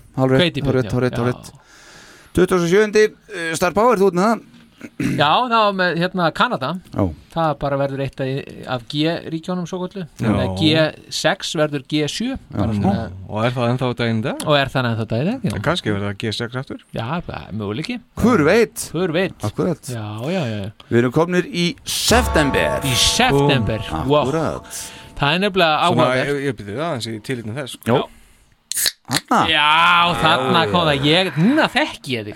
Já, núna þekki ég þig en, en hérna þetta er nefnilega umræði sem var aldrei í, í svona á manns yngri árum þá var þetta með þetta CFC hérna klóroflúorkarbons Já sem það er þetta sem að var í spraybrúsunum og var sagt að eitti ósónleinu Já, þannig að hár, Já, hár, já, já. hár Já. brúsanum hann Já, og, veist, og, og hérna Flugnabænin eða? Já, til dæmis Það er bara eitthvað efni sem er í spraybrúsum Já, já. og hérna þessi í september er fyrst varað við þessu að þessi hættur þetta ósónlegin Já, í september 76 og en tók ekki alveg marka á því strax? Nei, það leiði aðeins. Já, pínu. Pínu sko. Það var ekki fyrir að koma- Átt okkar á því að 80sið er eftir sko. Algjörlega. Þá fór það lokk fyrst á flug. Þá fyrst verðum við að tala um hárspray. Akkurat. Já, já, það var ekki verið að koma með gat og ósónlegið þarna á suðukvölinu þegar mann fór eitthvað að nenn að pæla í þessu. Já, heyrðu, fyrsta september talandi um suðukvölið þá er sett bann á tóbaks og áfengisjólisengar í sjónvarpi í Ástralíu. Já, það gekk fyrir. Hú, 76 já, já, hvernig var það bannað hér? 2000 og já 2016 Er það? Nei, Nei, nei, nei, nei, nei, nei, auglýsingar, nei. Það það er búið að vera mjög lengi Já, já, já, almáttu Ekki alla ævi bara. Eitthvað svo liðis. Eru ekki seinir til bara í Ástralíu? Annan september. Þess vegna er þetta sko. Annan september Sérstaklega. uh, Vilhjálmur Vilhjálmsson uh, Vili Vil gefur út sína fyrstu soloplötu Það strákunir. það segja drengur Já, já, já, plötuna með sínu nefi já. þetta er sem sé uh, fyrsta platan þar sem að hann var alfarið við stjórnvölin Mhm. eftir tíma sinn með Svavari Guests Mm. uh, en þessi plata var tekin upp í hljóðrita hafnafyrði Já. bara næsta húsnánast við þar sem hann bjóða þegar Vili Vil bjó hérna í flatarinu 16 Ný uppgert Nú, Já, ok, akkurat, er þetta hérna í nágrinni bara líka beint á móti lögustöðinni Já, var ekki nýbúið að uppfæra þetta hana? Jú, jú, Það var það ekki annað? jú, jú, nei, við, við fórum yfir að síðast þetta Já, arkitektinn. Akkurat. Já, já, og hann var Gunnar Þórásson sem að tóku upp þessa plötu og þarna voru sem sagt allir textar eftir Kristján frá Djúbalæk já, já. Og þarna er náttúrulega uh, heimatökin viljið náttúrulega búin að hérna, eða miklu tíma þarna fyrir norðan og Akureyri. Já, já, og fekk hérna, ykkur, hérna samþykki hjá, frá uh, að, að hérna hann myndi vera með textar á sér plötu og, og flest lögin hérna held ég eftir Gunnar Þórðar sko. Já, en hérna er til hans eitt lag á þessar plötu. Þessi plata hefur nú ekki flói hátt stráka minnir nei. Þetta er fyrir þá sem eru djúft inn í Vila Vila já, mjög djútt þetta lag hérna, síðasta lag fyrir fréttir. Já, já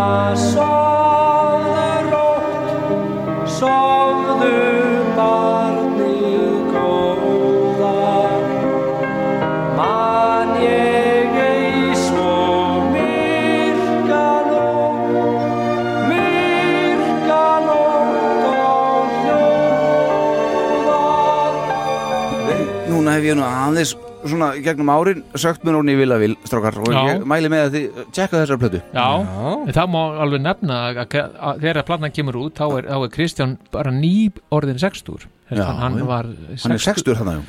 Já, hann var 16. júli Já, þá hafði hann orðið 16 einmitt Mr. Deep Creek Akkurat Mr. Deep Creek, já, Mr. já. Deep Creek Já. og, og Viking 2 daginn eftir Já, 3. ágúst 3. september September já, já. þá lendir sérstaklega Viking 2 á Mars Og það fylgjur svo eftir Já, já, ég fengið þetta Já. og því, sagt, því var skotu á loft 9. september 75, daginn áður en að live var hérna gefin út Mm. og, og bara fjarlæðin hérna milli þessar, þessar tveggja geimfara á Mars voru, voru 6500 kilometrar þannig að það voru ekki alveg á sama punktinum Nei. uh, NASA missið sambandi við Viking 2 í april 1980 þannig að það endist ekki jafn lengi og, og nafnin hérna nummer 1 Mm. en saman þá skiluðu þessi tvö geimfur frá sér 52.663 myndum. Það er ekkit annað sko. Mm, Í lit? Já bara, í, bara eins og svipmyndir og svipstund og allt í lit sko. Já, já. já, muni getur heim Jú, jú. já, já, gengt þjóðleikusinu um, en svo nefnilega að þú myndir þarna á Beth og varst að tala um það þarna Ó. að það er einmitt fjórða fjórða september Mhm. að þá, þá kemst hún fyrst inn á Billboard 100 Já, þarna og verður þar næstu 21 vikuna sko. það tók smá tíma tikkin Mhm. en, en þó ekki þó ekki, Þannig- nei, nei, akkúrat. netur nokkri dagar Akkurat Það er náttúrulega ótrúlega sko. Eh, seft Já Í einlegu viðtali sem byrtist í, í 7. oktober útgáfu Rolling Stone Mhm. uh, greinir Elton John opjubilega frá tvíkynneigð sinni í fyrsta sinni Já, já, ok. Bæjari Þannig að hann að feð bara í ballar áttir sko. það Já. er bara the whole world's a table. Já, akkurat. Já, þetta er magna Stækkaði hlaðborðið þarna fyrir Já, hann? heldur betur. Heldur betur. En, það- en, já, en samt alveg bold að gera þetta hana 76 já, já, Já, já. já, Þú veist, þú ert, að, þú ert bara vinsæll og ert að gera fína hluti já, já. og, og þú veist, þannig að hérna, bara vel gert í er honum. Mögulega alveg geta rústað þessu hjá sér sko. Já, einmitt, ég segi það sko. Nýbúin að gefa út þarna gríðar vinsalar plötu og alls konar. Já, já, já, algjörlega. Heyrðum, Má 9. september. Sedong Sa- já, þá bara deyr hann. Nei, fær hjartáfall og deyr. Það er þetta að segja? Sem sett formaður kýmverska kommunistaflóks og Hotnungu maðurinn? Já, alveg kornungur. En hérna, já, hann, þarf ekki að kynna hann Má Átt árum yngri en afiðin það er rétt, Já. nei, ha? Ha. jú, jú, jú, já, Já. akkurat. Mm. er, vel, vel reiknað. Já, já, takk, já, takk, já, takk, já, takk. já, takk fyrir það. Ég var ekki búin að fá þessa tengingu. Nei, 82 ára. Já, já. En, en já stóðst mér bara að læginu með þetta.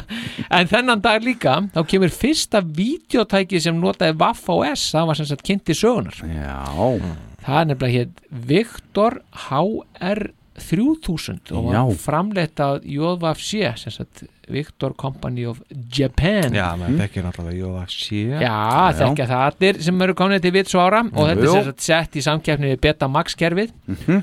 og þessi Wafos kerfin fóru svo í almenna sölu í Japan 31. oktober þetta ár og svo fór hún í sölu þessi tækni, hún fór í sölu í Bandaríkjanu 77 og í Breitlandi 78 Ég get svo sagt ykkur það að þegar ég var krakki þá eitt ég sko nokkru sumrum á Ísafirði Mm. og hérna þar á, ég- á, ég- á, átti ég fólk allavega Mm.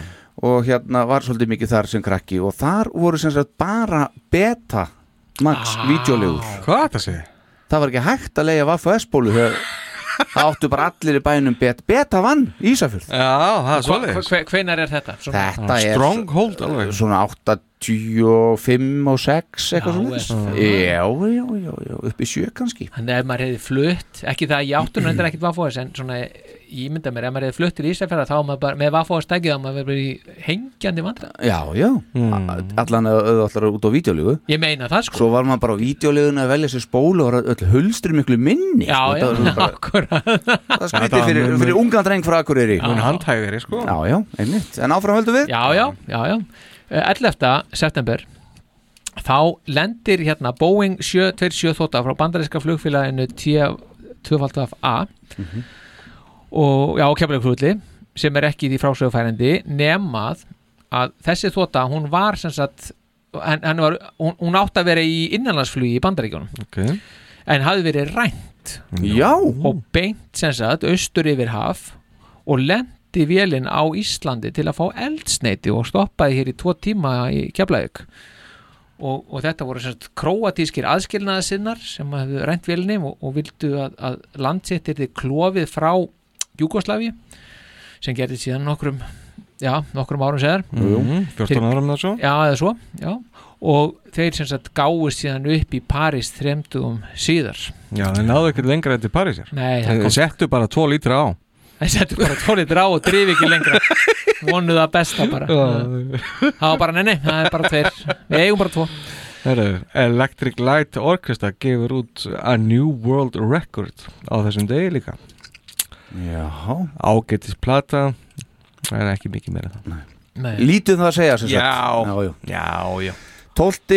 september síðustu tónleikar Kiss á uh, þáverandi túr uh, þeir fara fram uh, og rétt eins og á túrnum á undan sem lauk í mars þetta sama ár eða að live túrnum þá fóru þessir loka tónleikar uh, fram á Springfield Civic Center í Massachusetts. Mm. Vel gert, ja. Takk, er mig. Og uh, líka rétt eins og þá þá hitaði hljómsveitin Artful Dodger upp.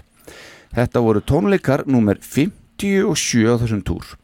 Tölvört færri dagsýningar en á túrnum hérna að live túrnum. En Beti, var þetta ekki líka var þetta ekki sami staður og þeir Jú. byrjuðu? Jú. Það ekki? Já og, en, en, en þessi, þetta ferðalag innihjalt þó uh, þessi, þessi, þessi túr inn, innihjalt þó lengra ferðalag Mm. þar sem á þessum túr var jú Evrópa sótt heim. Jú, jú. Já. Það tegir aðeins á. Já, mitt Já, já, já. þetta er, er gott sko. Já. 13.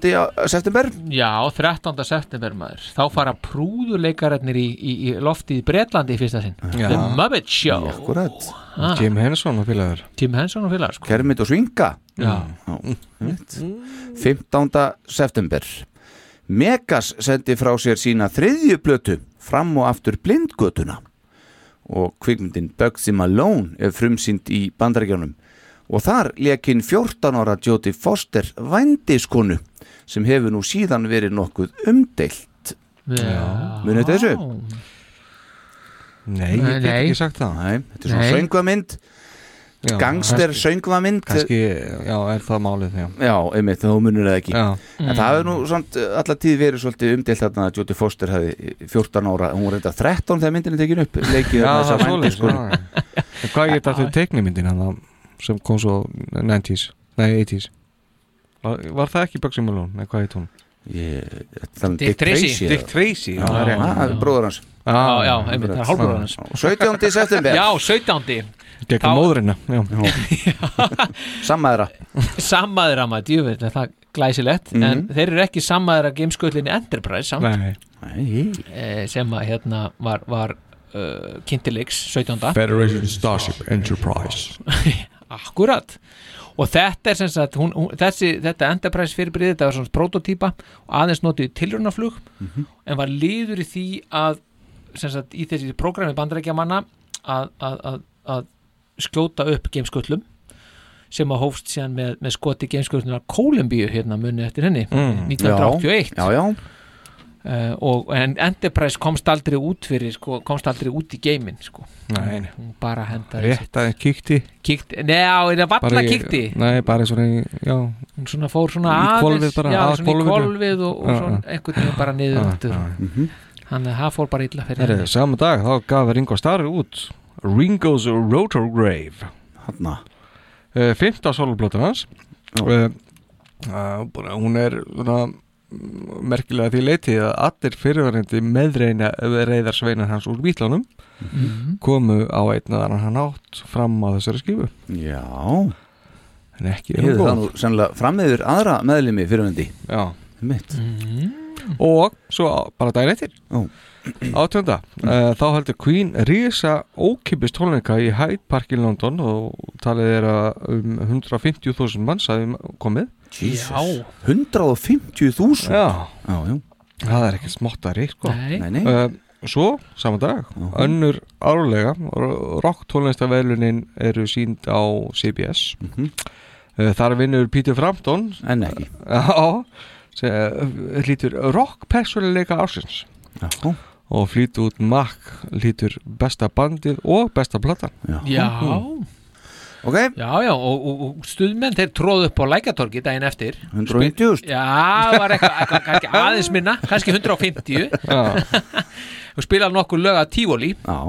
En, en það sem var þótti svona aðalmálið í þessu var það að, að, hérna, að, að, að flög flugvel yfir Lækjatorg, nokkra ferðir Mm. og let karmelum rigna yfir mannfjöldan það Já. var bara tökkur Það komin haglél komið haglél sko Já. og það er sérstaklega getið að því það var líka þess var getið í auglýsingunni Mhm. að þetta, þetta myndi verða ef að veðrið yrði gott og veðrið var all gott 76 já, Mhm. meðan á skemmtunni stóð en ekki, það var ekki sjúklega heitt það var ekki talað um það sér Það var mjög gott það er ekki sko. hitabilgja sko Nei, Nei, nei. ok Gekkið já, já, þetta er frábært. 20. september, fórseti Já, hvað gerist það? Nei, ég veit Já, ekki, þú það- segir okkur. Herðu, þá er komið að því að ACDC Mhm. gefa út í sínu heimalandi Já. uh, Dirty Deeds Done Dirt Cheap. Já, takkaði fyrir. Þarna. Já, já, hún er sem bara gefin út í Ástralíu og Evrópu. 12. nóf já, en kemur ekki fyrir út í bandarækjunum fyrir 1981 Já, já, já Pældi því já. já, það er magnað Þarna- Lengi á leiðinni. Já, þarna eru loksins að koma hittarar sko. Já. Byrjum að einum hérna Já.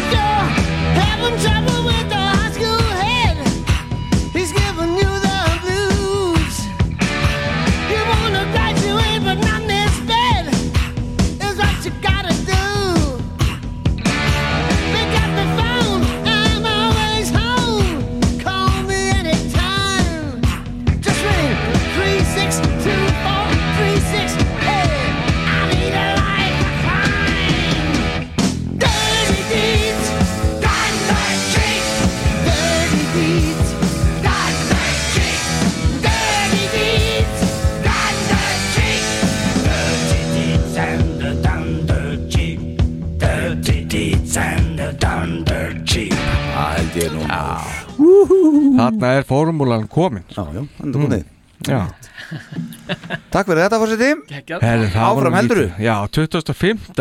já, September. Eh, Já, september.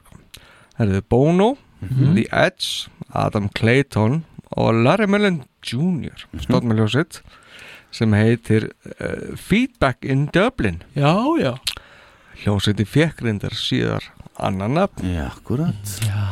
Það er saman dag uh, Black Sabbath gefur út blötuna Technical Ecstasy. Sjöunda stykki í rauðinu frá þeim ekki talin eina þeirra bestu afriðum en mér finnst það samt fín sko. það er engin bytn hittari á blötunni en góð heild. Uh, í Tony Iommi hefur sagt að þeir voru að reyna að gera aðeins flóknari og teknískari lög af því að þeir vildi ekki alltaf vera alveg nákvæmlega eins. Nei, fín pæling. Já, já, en það bara tókst ekkert óalega vel þarna. Nei.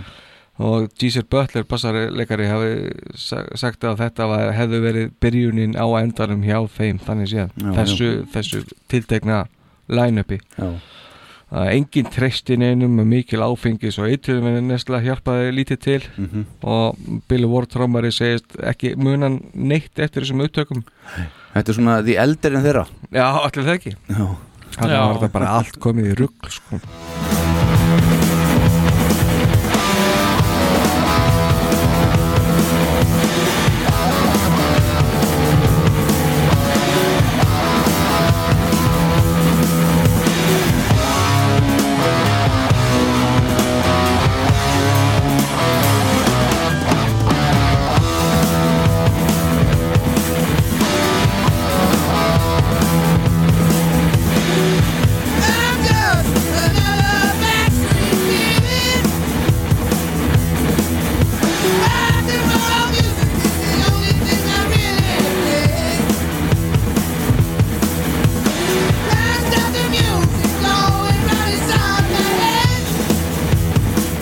Heyri hvað þetta er mikið, mikið þingar heldur en var að gerast í okkar mönnum á þessu tíma Já, Já. Ha? það er Þetta er heyrið- náttúrulega bara algjör heavy metal hérna í gangi sko. Algjör, en, en, bara en, bassa tromman hjá Bill Ward er bara geggjuð sko Þetta er gott stöf en að þú myndist á elder sko Já.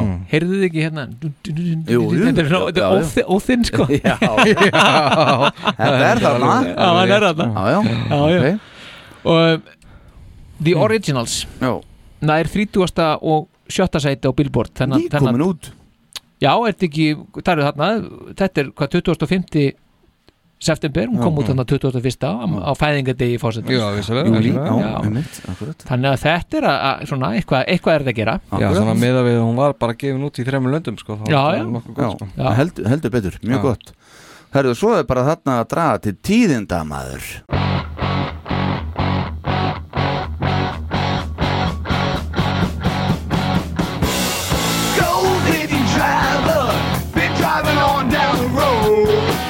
Kiss mæta nefnilega í þúsund sæta Star Theater leikusið í New York.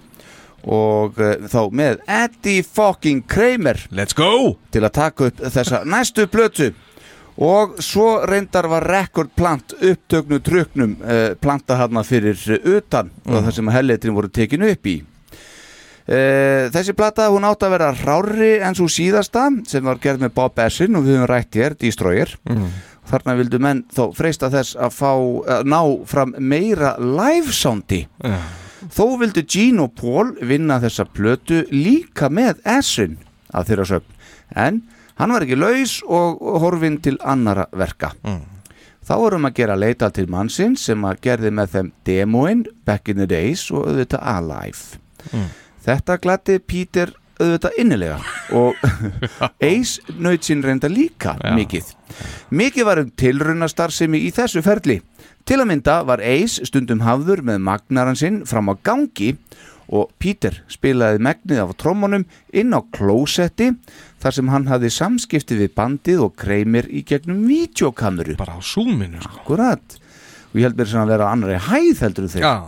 Þetta gerði Peter auðvelt fyrir að móka í neppan á sér og hann passaði sig bara að vera ekki mynd við þá yðju sína. Nei, nei, nei. Hann náttúrulega vissi engin af því sko Nei, nei, alls ekki sko.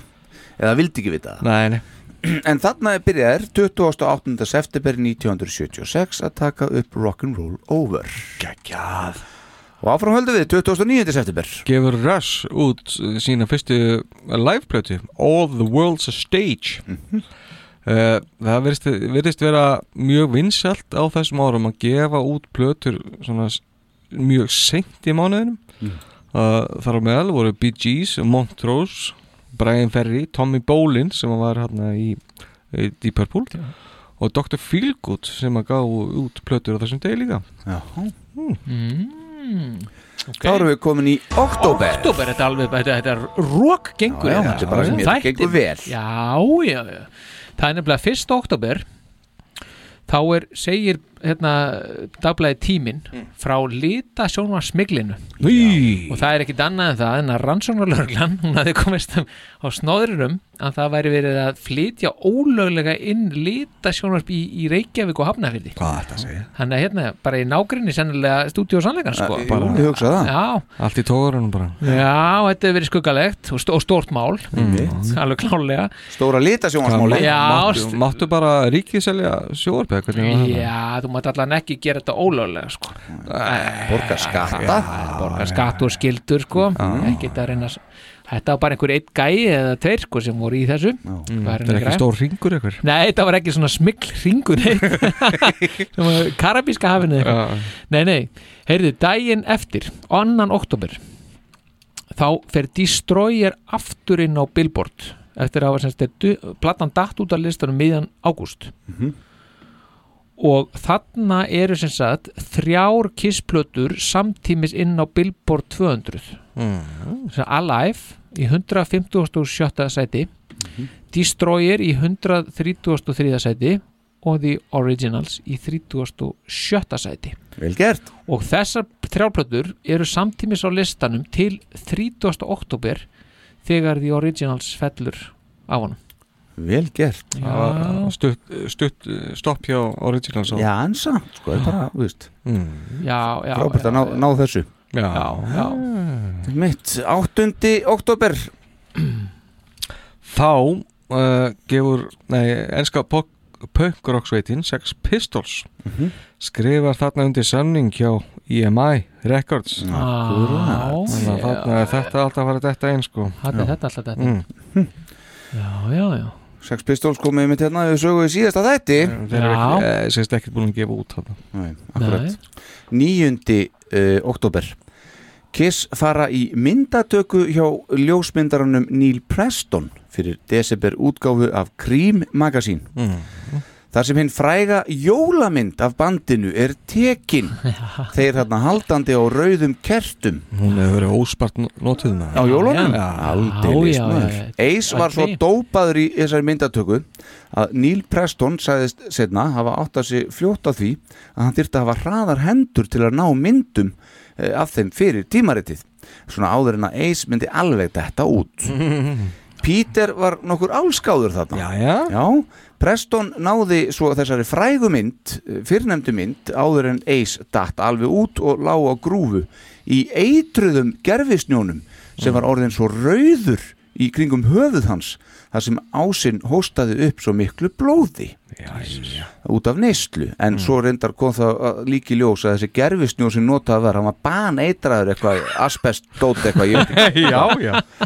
En Ace, hún var drifið í burt uh, í limmusínu af Billa Coyne og félögum áður en að nokkur gatt hringt á neyðalínuna og uh, nokkra myndir hafa síðan lekið á netið sem kalla má outtakes frá þessu sessjoni í gegnum Mm. árin og ég mæli með fyrir áhersum að googla það já, já. Af þessu Eh, Sesjón Já, en ekki alveg beint hann í blóðinu sínu Nei, kannski, nei, en, nei, en já. hann er alveg gjössal út úr heiminum hann og liggur hann einhvern veginn og, og heldur valla haus og þetta er allt til á netinu Já, ok, þetta er svona er skrítið að því að Ace, hann drakk svo mikið Já, Já. Með að við, hann náttúrulega tók fullt af kókaðin líka en uh, veist, vínin á að taka yfir allt. En hvað þarf það Já. að drekka mikið þannig að þú farir bara að hósta upp blóði? Ég veit ekki, þú veist. Helviti mikið Já, sko. akkurat.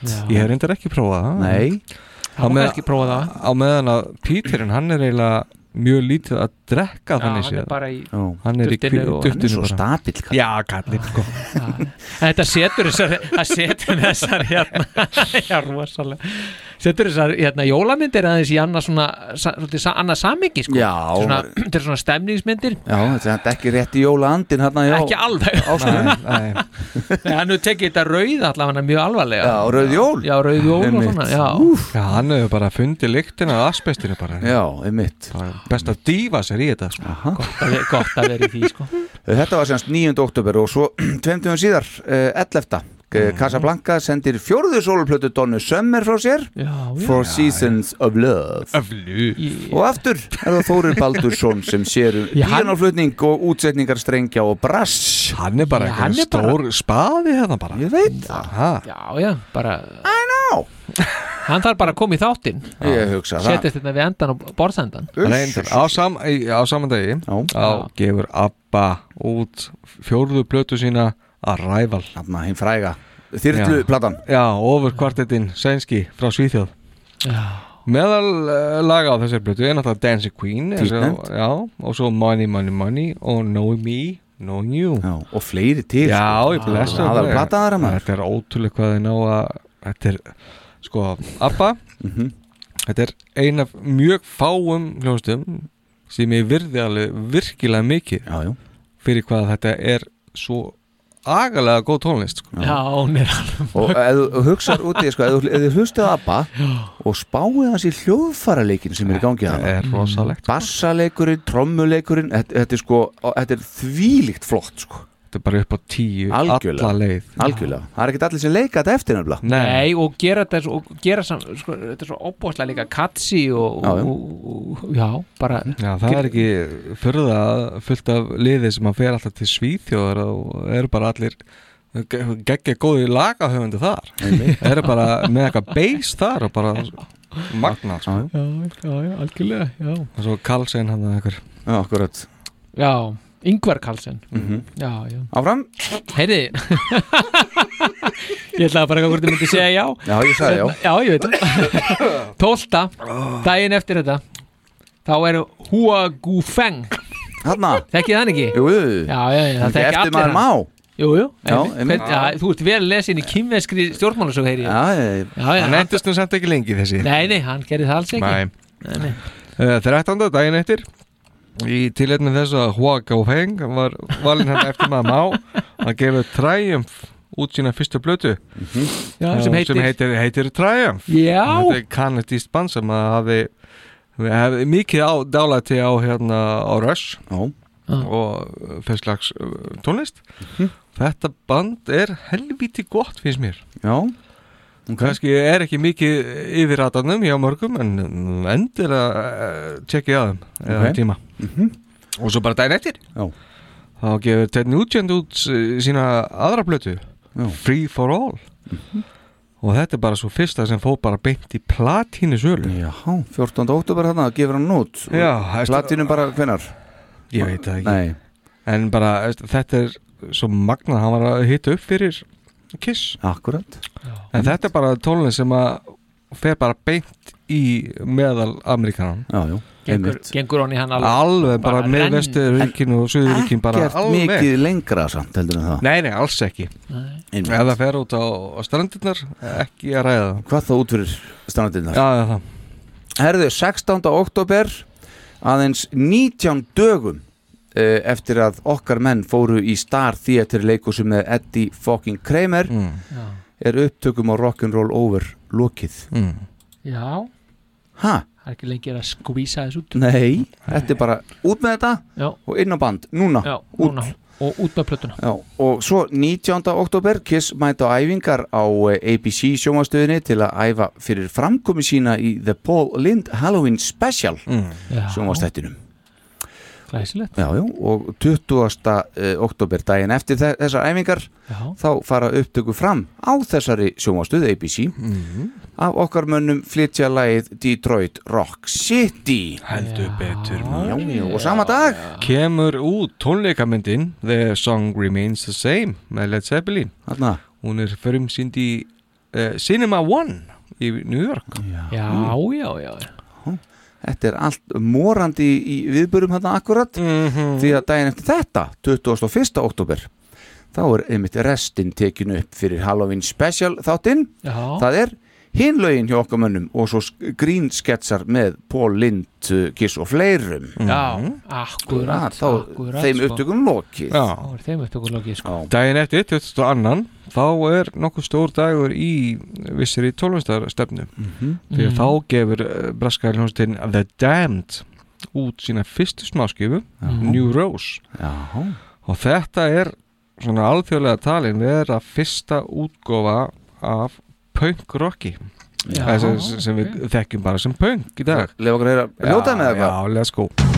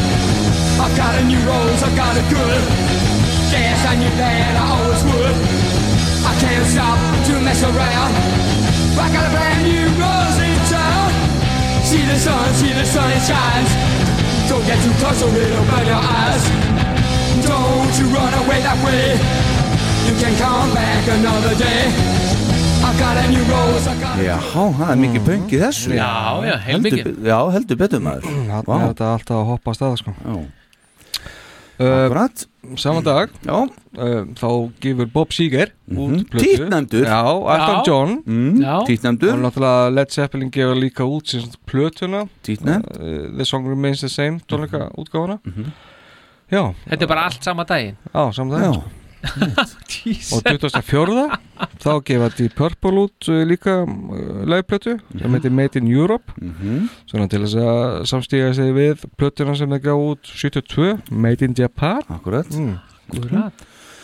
Og svo áður en að oktober er nú alveg úti Þá er þetta 29. The Paul Lind Halloween Special Þátturinn sem var verið að taka upp að rétt áðamunni Já, já. Hann er síndur á sjóastunni ABC og co-producer á þessum einstaka þætti Mhm. var auðvitað Bill O'Coin. Og var þátturinn því sniðin að því að ná til breyðari hóps nýra aðdáðanda fyrir Kiss. Eitthvað sem að fólk er sammála um í dag að hafi gengið eftir þó erfitt sér að mæla það í raun. Já.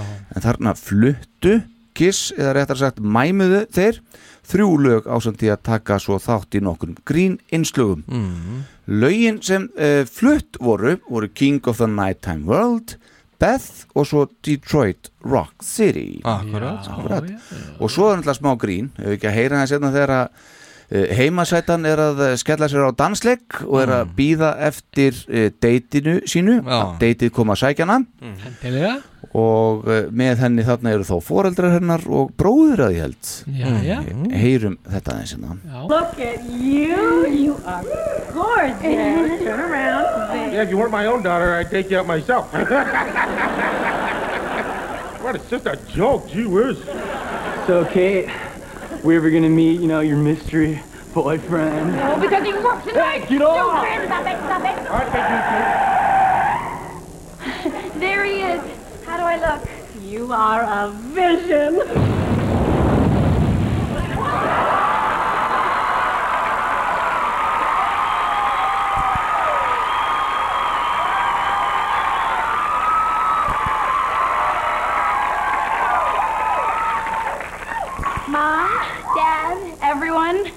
this is Kiss, my date for the prom. Þetta var djúft Nú aldeilis sjokkar að líðin hérna í bandaríkjum maður Mm. Þetta myndi alveg á, á línu frá Mr. Trump hann Býtu við hvað?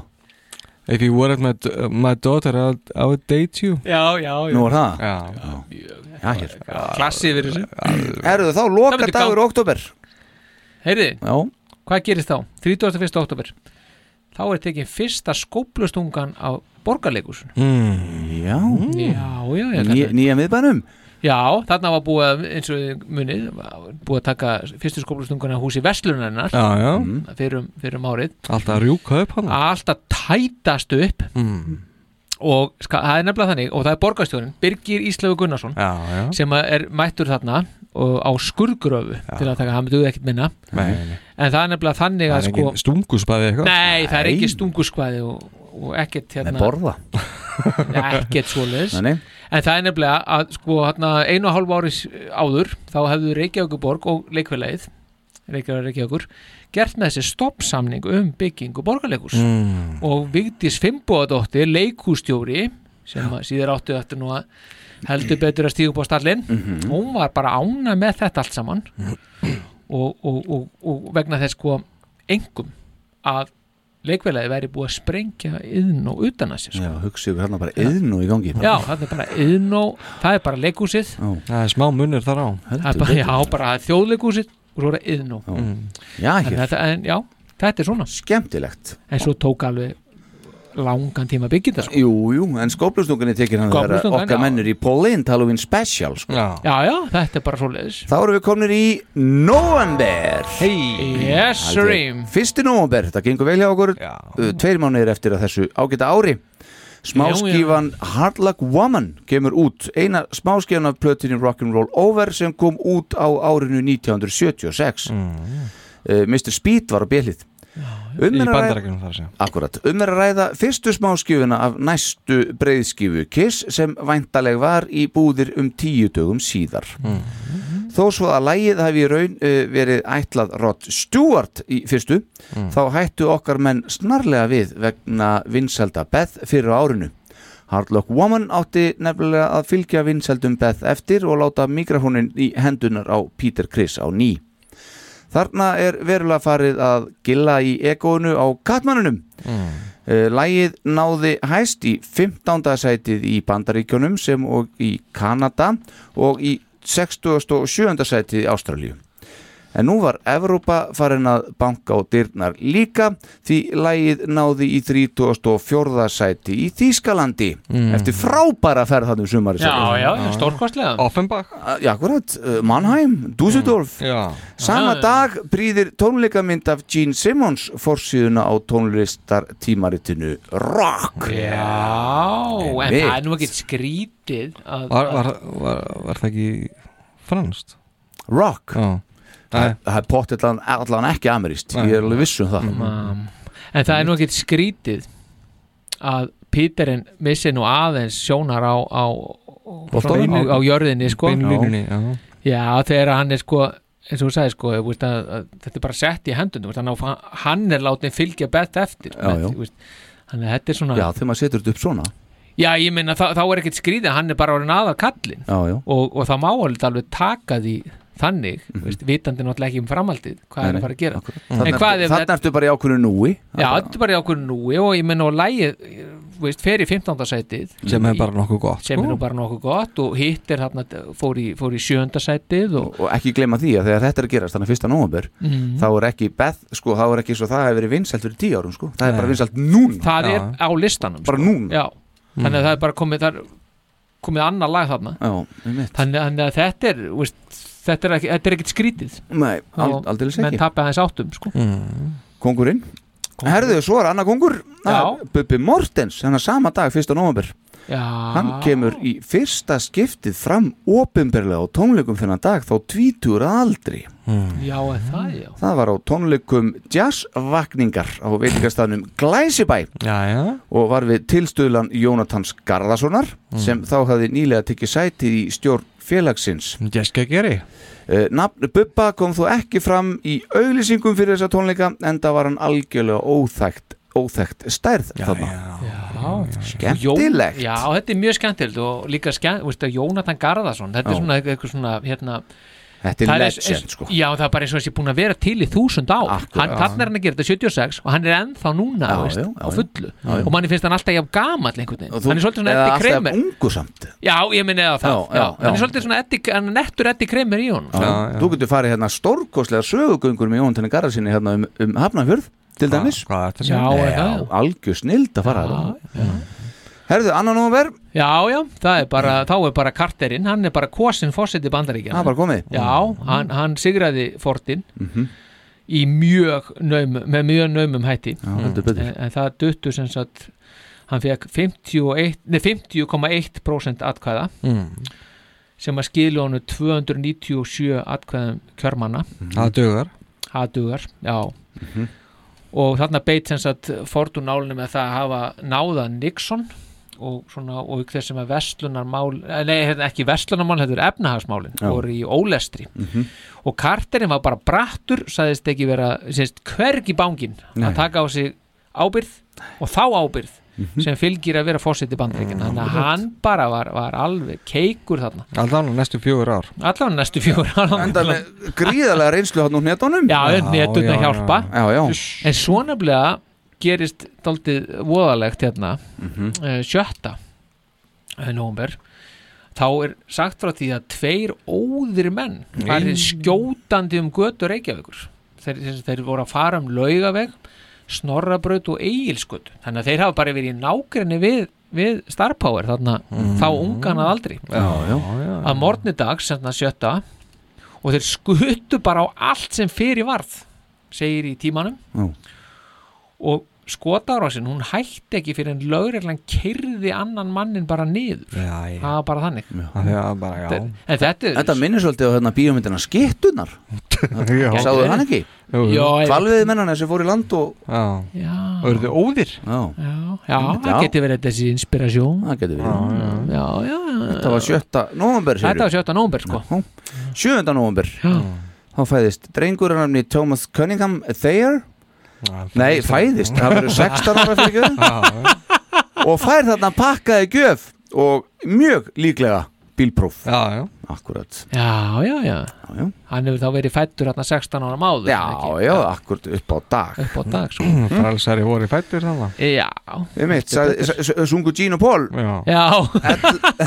11. november Rock'n'Roll Over kemur út. Og sama dag nær Destroyer Platinum sölu. Uh, miljón eintaka. Rock'n'Roll Over er fymta hljóðversplata og fyrsta kissplatan þar sem að Ace samti ekkert lag á eða kabla Michael Dorett gerði coverið og gerði svo næst Sonic Boom. Förum við það eftir nokkra þetti já, já. Þrjú tónlistamindbönd voru gerði tengslu við þessa plötu og voru þau við lögin I Want You, Hard Lock Woman og Love 'em, Leave 'em Platan kemst í 11. sætið á Billboard Top 100 7. sætið í Kanada 9. sætið í Svíþjóð Sko. 16. sætið í Ástralíu og nú í 15. sætið í Japan á markanum sem okkar menn voru farin að undubúa fyrir komu sína Heldur betur já. Þetta voru rauninni bara fyrstu sko. promo vídjóin sem að Kiss gerði Já, Já, einmitt akkurat Ef að heyra auðlýsingu aðeins en Já, áður en en lengri haldið fyrir þessa plötu Endilega. Endilega.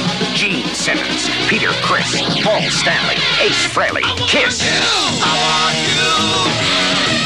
Rock and roll over. Kiss, rock and roll over. Casablanca records and tapes. Kiss, rock and roll over.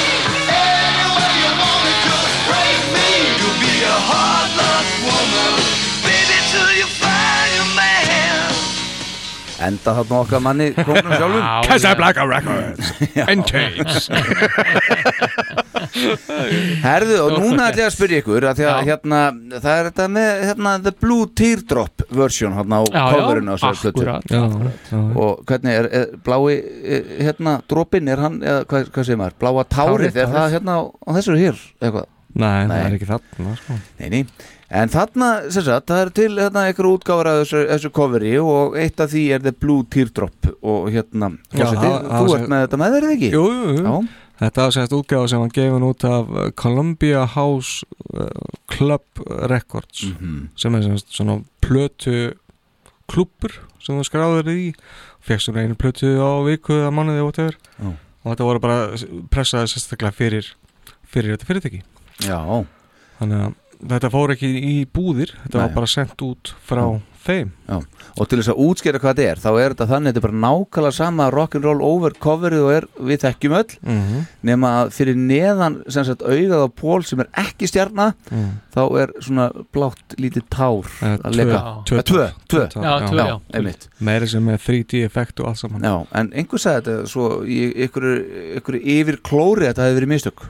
Já, ég skil það ekki. Nei. Þetta eru þá fullkomnustu mistök í heimi. Já, algjörlega. Í prentun sko. Bara mistum hérna dropa hérna inn á þetta bara akkurat þarna. Tvo einmitt. Nákvæmlega þarna, datt einmitt. akkurat Þetta er, þetta er mjög sennileg skýring. Já, já, en ég á ekki þetta versjón Fórsetin á þetta, Star Já. Power áttu þetta? Já, í átta eintökum. Já, í átta eintökum, já. Uh, Þú lígur Já, reynd Koppi 1 til 8 þó. Já, Já, já, það er já, Og áfram höldum við, fórseti Eh, 19. november Já. þá gefur George Harrison út sína sjöundu sólarblötu Mhm. uh, 33 and uh, one third heitir hún. Já, já, já hann var helvítið duglegur að gefa út plötur. Já, já. En já, ekki meira það að segja. Nei, nei, nei, nei svo 20. Já, þ- 20. Þá kemur Sylvester Stallone brýst fram á sjónasvið Brýst fram á sjónarsviði Það er fyrsta Rocky myndin er, sýnd, er frumsýnd í, í, í New York. Mm. Adrian! Já. Stórkostlega mynd sko. Já, já. E, Þannig að sama dag Já, þá er gefin út e, platan einu sinni var vísur úr vísnabókinni með, með Gunnari Þórðarsson og, og, Mm. og, og Björgvinni Halldórsinni akkurat fremstæði flokki og það er bókaútgáðan Íðun sem að gefur út þessa, þessa plötu þetta lítur að hafa verið bara einu vinsalasta plata Íslands sögunar sko. Já, hún er, Já, hún er sem allavega í sagt í sölu, sko.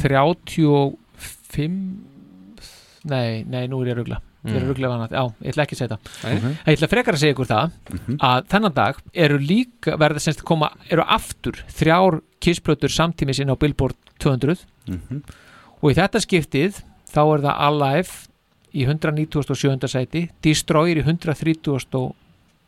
sæti og svo Rockin' All Over í 30. og öðru sæti Búm Já Bám Bám Bám, bám Þannig að þetta er ágætt hjá þeim. Þetta er þetta einn sko Þeir, eru nú ekki að slá út bítlana sem voru með hvað, 23 smáskjúr og Nei, samtímis reyndar en þetta er samt ágætt. Já, Já. þetta er ágætt. Já, já, já. 22. Scorpions gefa út sína fjóruðu blötu Virgin Killer. Uppbyttanir hérna frá Mannheim. Já. Dusseldorf Dusseldorf, já, bitte, uh, bitte Reynda frá Hannover en það er alltaf leið Mhm. uh, Frábær plata finnst mér uh, Þeir eru að verða aðeins meira kommersial og þeir þarna með þessar blötu náðu þeir aðtegli í Japanana eins og Kiss voru að gera. Mhm. Gæti verið út á coverin á blötunni, ég veit ekki. Nei, en, en við skulum endilega hlusta á eitt mínum uppáðslögum á þessari blötu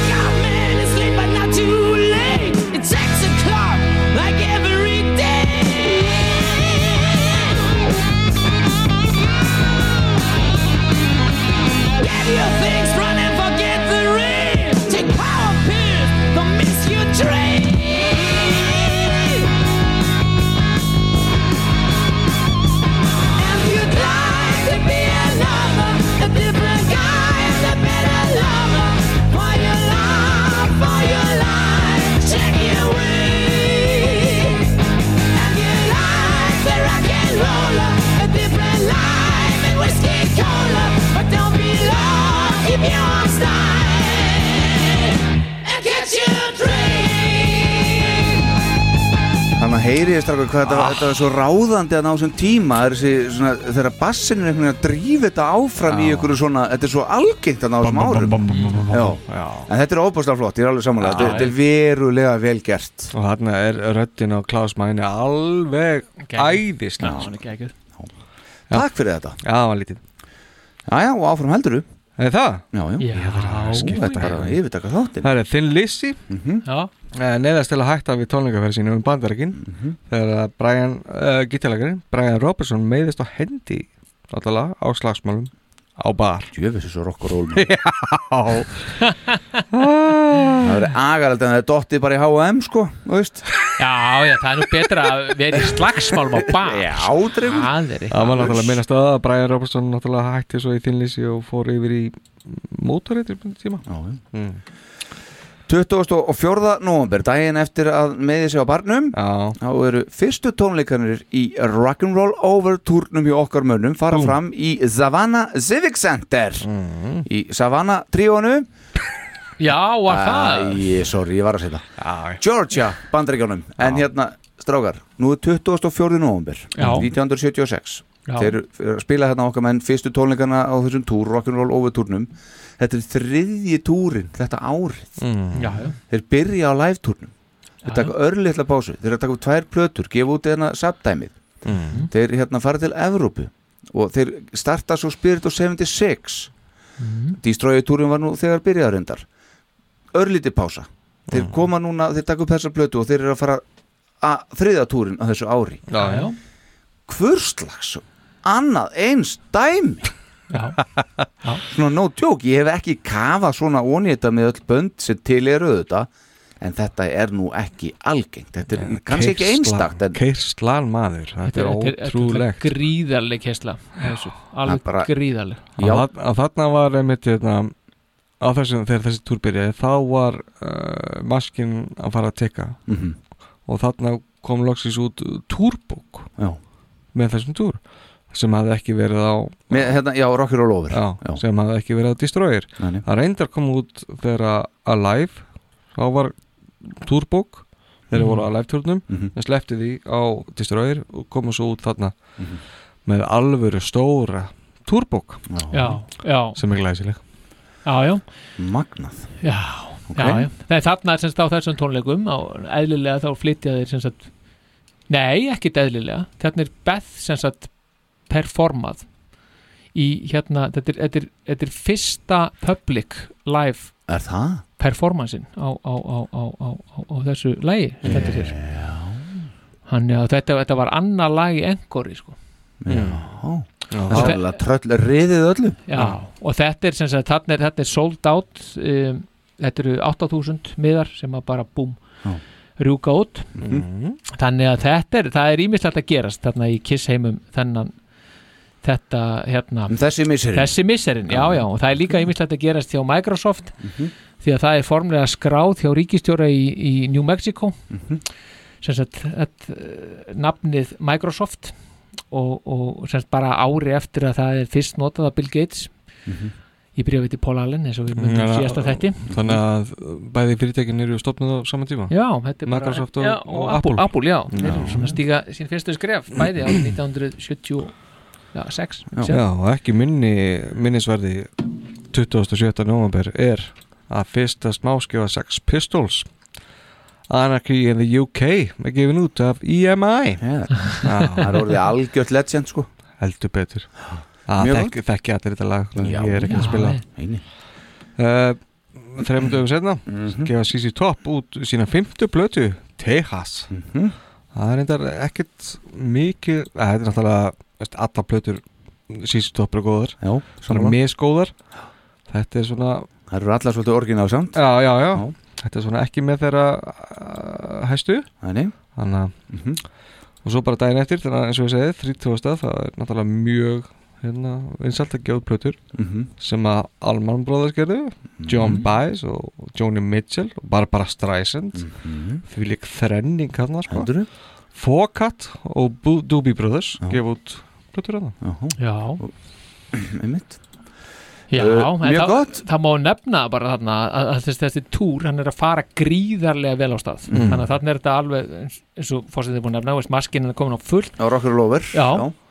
og það er bara, það er bara sold out. Það er bara, það er allt sold out sko, Mhm. þarna. á þessum, þessum, þessum tíðan bara svona koma, já, því að það var ekki alveg það sem var að gerast þarna með Destroyer sko. Spirit of 76 En Betharinn eitthvað Betharna tikkin Heldur betur. já, þrjálplötur á topp 200 og svona, það hjálpar. Og það líður á og hérna konan líka? Já, Já, já, það er mitt Já, já, þetta meina hérna enga dóttirinn Já, já. Já, já, já, akkurat. Herðu, uh, það líður á jólum og við erum komin í maður. desember. Búm. Æ mm, Fyrsti desember.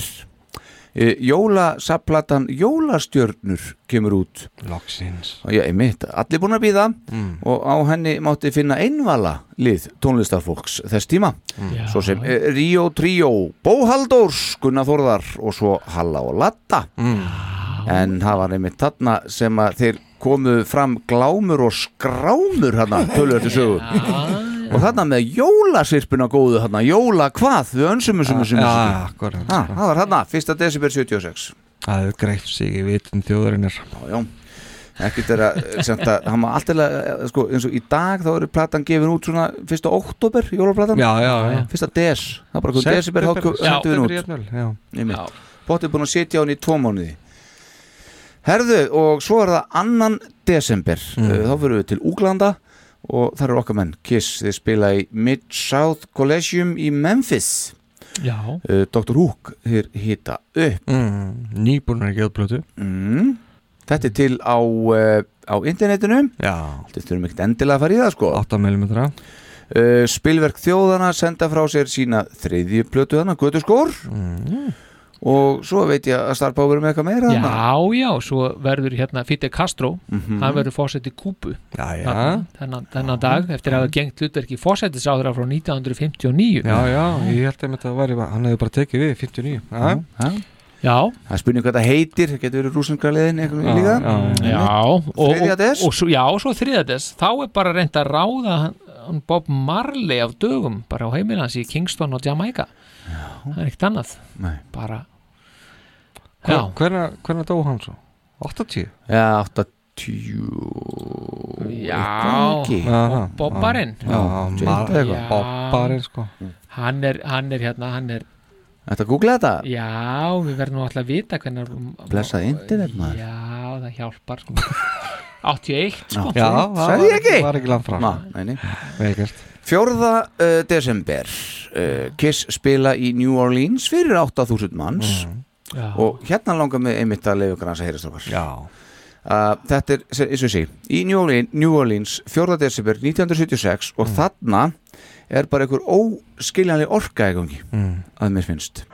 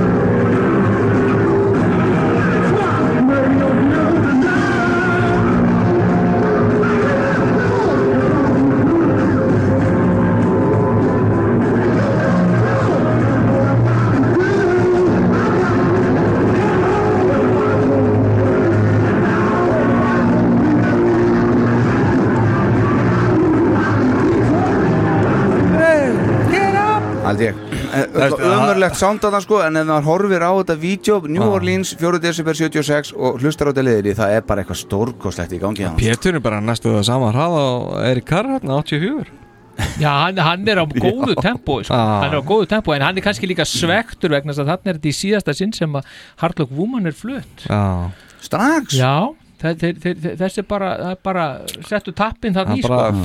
Fit, fittar ekki inn í orkuna Nei, það fittar ekki þetta lag. Þess er svolítið gaman að því að það skuli vera á, á hérna Alive 2 sko Já, Já. já, akkurat En En, þetta- svo er þetta náttúrulega varð að vera Er það Já, jú, jú, það auðvitað þurfti að vera en það er bara, þetta var bara að spila þrísvar sinnum sko. já, já. En þarna við Píterinn upp og niður bara einu live. ári Já, það var, Já. ekki, var ekkert spilað live á plötun einhvern veginn Nei, nei, nei, það var ekki það, nei, nei, alls ekki sko. Það var bara í stúdíunni Já, já. Stúdíói, sko. En mitt, þá- eins og ég segi, þannig er Píter er búin að svona uh, bragða á öllum meðlum bara hann á yfir stuttan tíma. Heldur betur. Já, þetta, þetta, þetta gerist hratt. Já, gerfin þetta öll sko. Akkurat. um, og, og þennan þeir eru að spila í New Orleans þarna í orkunni. Þá, þá er Beth smáskifan hún er að toppa hún er að toppa sig þarna í, hérna á Billboard 100 Mhm. og Nær sjöðanda seti nær sjönda sætinu sko. Að þannig að þarna er hún uh, hún var hva, já, 20, 20, hún kom hann inn í september. Mm. til að byrja með. Heyriði, síðan fymta Mhm. þá er í 60 minutes sem sagt á CBS sjónastöðinni það var svona alþjóðlegt svolítið. Já. Ha, 60 minutes sa, sagði ég það? 60 minutes? Öðrum orðum uh, uh, 60 mínútur. Já. Já, ég er svona að reyna að höfða til breiðs hóps Já, ég heyri. það, Hlustandi bara vel- hóps. já, já, já, já, já, já, já, ok. Beg, Beggi ána Já, já, já, akkurat. En sérst, í þessum 60 mínúndum á CBS sjónastöðinni Mhm. þá er fréttaskýring um Ísland. Já. What's with Iceland sem að Dan Rather hérna, félagi Dan Rather. og, og, og vinnur þáttarins hann, hann var hefðið umsjá með og það er fjallað um það hvernig Íslands samfélag virkar Mhm. og þetta er hérna þetta er stór skemmtilegt stöf Mhm. og, og hérna ef að vel tekst til Mhm. þá getum við hlustað á hann Jón Hermansson skýra nafnahefð Íslendinga fyrir, fyrir raðir They're in love with first names. Look up a friend in the phone book, and you'll find him listed alphabetically by his first name. And there's a law that a son's last name must incorporate his father's first name. My father's father's name was Herman Herman Jonsson. My son, my son's name is Jon Hermansson. No, uh, uh, sorry. It even confuses you, doesn't it? Yeah, it could, no, well, Well, let's start over. Your your father's father's name was my father's father's name was Jon Hermansson. My father's name was Herman Jonsson. My name is Jon Hermansson, and my son's name is Herman Jonsson. Jan's daughter's last name would be Jansdottir, and she would keep it even if she got married. Já, hérna maður. And she would keep it even if she got married. Já, já. Þetta er ótrúlegt. Þetta er það, það voru ekki allir neitt par ánæður með þetta allt saman Með þetta einslag? Já Nei. Nei, nei, Þa- þetta er bara gott Þetta var ekki bara bannað hérna á Íslandi eða Þa- eitthvað Þetta var bannað Já. Jú, það, það er svo Banna? Já, Já, já, bara bannað að sína þetta og það var ekki síst vegna þess að þarna voru fullir úlingar var að sína fullir Já. og, og eitt sem að bara dótir og bara fjall, fellur niður og, og, og drefst sko. Þetta þóttu nú ekki mjög fín bara miðjan dag, já Já, já, örgulega bara. Bara hann er á hlemmi Og það voru að tala um sko Þessi úlingur hann er einn af þessi í dag sem segir sko Í mínu ungdæmi var þetta ekki svona. Nákvæmlega. Þarna er hann að byrja að hlusta á pöngið og byrja að sapna saman nýra hlemmi. Það er líka frábært að hlusta á hann Ívar Guðmundsson sem var ekki útvarsmann Nei. svo það sé sagt, ræðismann Íslands í Bandaríkjanum þá hann var að útskýra sko útflutning Íslendinga á rafvorku í gegnum gerfinött What? Já. Og bara til all, bara út um allan heim sko. Já. og því ég bara hvet alla til að grafa þetta upp þetta er stórkostlega lýsing maður bara, mann setur bara hljóðan sko. Alla- hann er bara alveg á því að þetta sé bara tæknin sko. Já, Að flytja út rafmörku í gegnum gerfinhött Já, já, já, já. Já, hér Já, maður. Ég er ekki hissað að það verið bannað maður. Nei. Sæ, Sæstringur og eitthvað rugl. Það gæti líka verið vegna þess bara hvað þetta er mikið steipa sko Akkurat, vil landkynning. Já, ræðismæðurinn að tala. 8. des. Uh, The Eagles gefið út plötuna Hotel California. Kaching! Já. Á Já. heimsvísum Mhm. verður þetta þriðja mest selda plata allra tíma.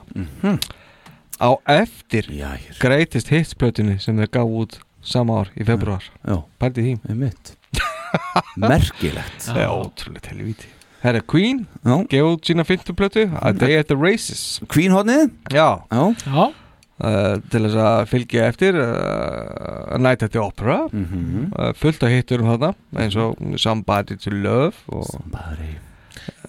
Tie Your Mother Down og Good Old Fashioned Lover Boy Einmitt og örfáum dögum eftir það eh, aðeins tveimur, 12. Mm. desember Kiss spilaði, voru með samning við Civic þarna muniði, Já, já, já, já. Kiss spilaði í Lakeland Civic Center já, já. í borginni Lakeland í Pops County Florida, uh, Uriah Heep hita upp og, og eh, Ace Frehley fær raflost Já. snemma þarna í settinu já, já, já. strax á eftirnu, eftir læginu uh, Detroit Rock City sem var þeirra fyrsta lag já. Eh, Betur fór á en horðist en tónleikunum senkaði þó um cirka 30 mínútur vegna þessa atviks. Þegar ásinn var einmitt að koma þarna niður af efri hlutasviðsins þá greip hann í einhvert handrið, stálhandrið til þess að halda sér e, jafnvægi. E, eitthvað leti ramagnir þarna út og við þetta fekk Eis nokkuð rafstuð um líkamann og gata hann ekki hreift sig. Beintu gerfinettinum bara. Já, ymmit, en hann losnaði þó á lokum og fjall þá nokkur fett niður á sviðið fyrir neðan. Eh, Ef ég hefði ekki getað sleft takinu, þá hefði ég dáið sagði Eis Frili í viðtali skömmu eftir þessa tónleika. Líf mitt flög framhjá fyrir framann augum mér. Já, já. nokkuð skeldur þarna en uh, skal ég segja þér ekki alvarlega slasaður þó uh, tók hann sér létta pásu í búnisklefanum áður en hann sneri svo aftur á sviði til að fagna upprisu sinni og kláraði sett kvöldsins með stælað vanda. Já. og um þetta atvik samti hann svo auðvitað lagið Shock Me uh, sem við öll elskum að elska. Uh, það kom út á plötinu Love Gun árið síðar 1977 Heldur betur og við förum við það síðar heldur betur en þá var já. nefnt farin að þóra að syngja stráka minnir Mm. en sama dag og þetta gerist þá fagnar einmitt Bruce Kulik sínu 2003. afmæli stráka minnir mm. já, já, já, þá skal vantarlega gítarleikar í hljónstinni KKB Mm. og árið síðar var hann þá komin í uh, touringbandið hans Meat Loaf já, já, já. en sem sagt, sjokk mér daginn fræja það er ammálstæðu Bruce Kulik, ég var ekki búin að tengja búin að tengja það? Nei, ég var ekki Það er svoleiðis sko. það er nefnilega líka sko Dóri vinnu minn, Mm. hann var fimm ára þennan, Það er þennan dag sko. Já, þú ert einn af vinnum Dóra Já, já, einmitt, það er akkurat hann sem það er en þetta er nú ansi hérna þetta er ansi magnað sko Já. að, að hérna ma- magnað atvik sko að, Já. að, að, að, að fá þetta svona og steinliggja og halda samt, samt áfram sko. Já, já. spurning hvort að það hefur verið, gert að læknisráði eða ekki. Eða hvort þetta hafi verið jafn alveglegt og hefur verið að segja. Svo er já, það. svo, svo er það líka. En samt. Fekk smá stuð? Já, já. já, já En það er samt einhver þetta sem var bak, States sem er svona einhver svona gítartekk eða eitthvað Já, já. sem ég eh, las hérna í tengst ég var að rifja þetta upp fyrir hann þátt hér Já. að hérna sem sagðist einmitt að séð Ace er fastur Já. veist, og svo hafa hann henst hana niður en, en samt geti það verið aðeins íkt auðvitað auðvitað. verið, sko. Já, já. Það hljómar miklu betur svona, Já. sko. Jájá, jájá, ok, við skulum bara gera lítið úr þessu. Nei, nei, það kom stórkost tónverk út úr þessu. Já, það kom Mm. náttúrulega alveg snildin, snildin sko Já. út úr þessu, það er náttúrulega alveg klárt sko. Já, já, en þetta er samt flott. Sometimes he burn his hand but the man do all thing for rock and roll Já, segir sko. á Exposed. Mm.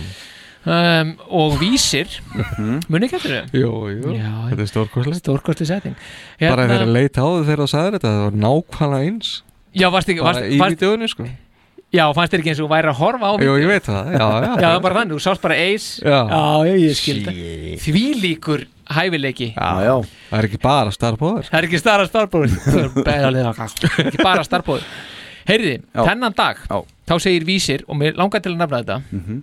að það sé verið að undirbúa dýrin í hálsaskói að setja þau á sviða í stólukúsinu en þetta er sem sagt þetta er algjör tímamóta sína muna mjög margir eftir þessari síningu sem að Já. Bessi Bjarnason var mikkir yfir Átni Tryggvason var, var Lili og Átni Já. Tryggvason náttúrulega pappans Arnar Árnasonar spaukstofum svona fyrir þá sem ekki vita það. Jú, jú.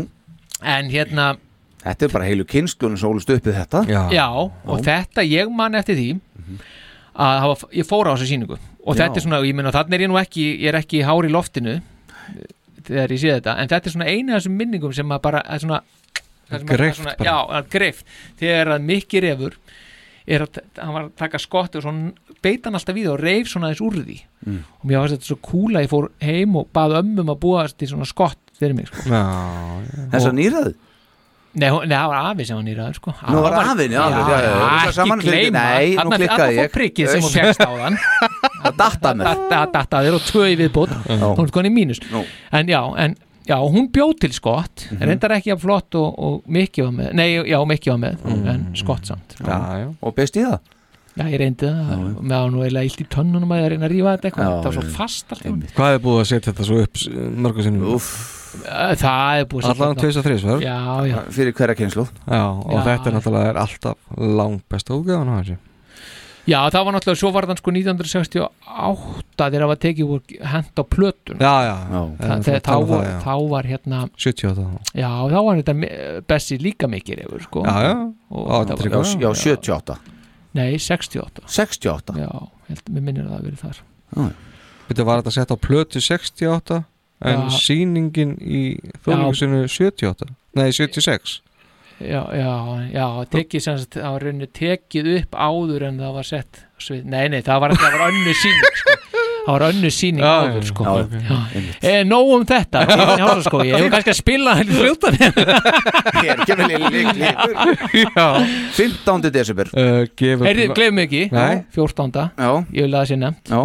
Já, hvað gerist 14. Já, já. Komið með það, allir Star, Star Power fæðist Nei, Nei. ekki fæði Fossetti og tapaði þremur Fyrir stegum ekki, átti ammali þetta Þryggja ára. Já, já. Þryggja ára. Star Power þarna 30 Já, fegstu, ára. fórstu á sýninguna bara í ammaliðskjöf Nei, hún var nú ekki byrjuð sko en, en ég var sem sagt var þarna þryggja fjara ára sko, þetta er bara eitthvað alveg þarna. Mm, það var sínt 77 sko. Já, já. En þið eru báð búin að tapa þremur stegum Báður mínus. Já, báður mínus. Og daginn eftir uh, ammælisdag Star Power. Já. Þá gefur Blondi út sína fyrstu plötu Samnenda sveitinni Einmitt. Já, já, Blondi Áfram blötuútgáðu De Debbie Harry og félagar. Já. Eh, 17. þá gefur Genesis út Wind and Wuthering plata nummer 8 og nummer 2 með Mr. Collins. Aha. já, já, já. Og svo bara daginn eftir það Mhm. þá kemst Hard Luck Woman inn á Billboard 100 og er þar í 13 vikur. Nýbúið að cancelaði á setlistónum Já, það fór illa fyrir því þar en, en, en það er, er einhverjir sem hafa trú á því. Um, Í þjóðviljanum 19. Uh, er hins vegar sko aldeilis talað um um útgáfu, í- eh, þetta er dálkur sem heitir klásúlur Mm. og það er verið að segja frá, frá plö, útgáfu plötu Jóns Ragnarssonar sem heitir Uss ekki hafa hátt sem var Já. vegum Eski hljómplatna Mm. og það því ég var að tala um á þetta væri svona harð, daldi harðir sko, þessi görar Þjóðviljanum. í þjóðviljanum af því að það er ekki dreigið undan þarna í þessum plötudómi og þar segir meðal annars ekki er ástæði til að fjölirða um tónlist og lélega texta Jóns en Svavar, Svavar Gess á, á skilið spark í raskatið. Já, hann tímir ekki einu sinni að kaupa upptökutíma hjá almennlegu stúdíói og meðal annars þess vegna eru tóngeð þessar plötu Jóns og reyndar fleiri nýlæra SG platna svo hörmulega léleg að það tekur enga tali. Sveijattan þetta er nú hressilegu Já, er að- Raskallur þetta bara. Já, já, já, svo heldur hann áfram. Þetta fer að minna á ESI sko. Já, þetta, ég, maður er nú orðið heldur betur brjálar þetta er nú verið kiss Já, já. dómur svo heldur hann áfram. Þessi ágæti maður.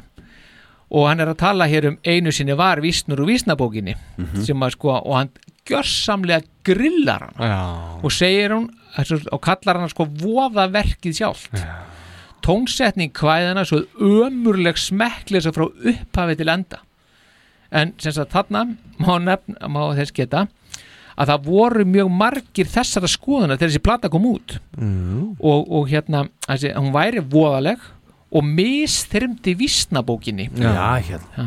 það er nefnilega vísnabókin hafi þá komið út í, í, í hérna í harnar 30 ár Mhm. eða í 30 ár hafi fjóru sinni verið endur útgefin og aukin og búið að selja 35.000 eintökafinni og hérna og þannig að mönnu, þetta var svona var rist í þjóðarsáluna Mhm. og, og bara þjóðin skiptist í tvent sko, bara Já. með og móti þessari plötu. Já. og þannig að hérna mörgum fannst hún alveg frábær sko. Já. og, og já. Ég veit ekki hvað ykkur finnst um vísna plötuna en þegar hún er allavega hressileg. Já, ertu með tóndæmi? Já, ef að hendi ég eitt tóndæmi. Já, ég verð að heyra sándið þessu. Já, okkur ekki sko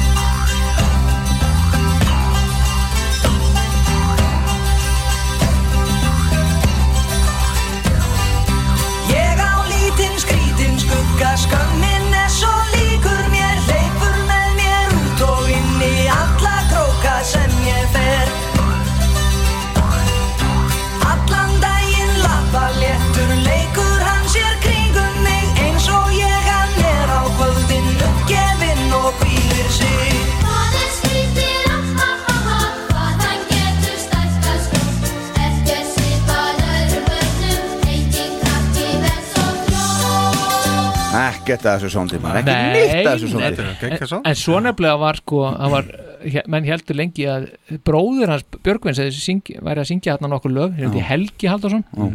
og það var Já, bara einhver húsasmiður eða eitthvað Nei, nei þá var það þannig sko, þá höfðu þeir bara keirt upp tempóið á, á, á, á Já, læginu, á hann söngnum sko. hann er svolítið há- og þá var, var það svona, já, já, já.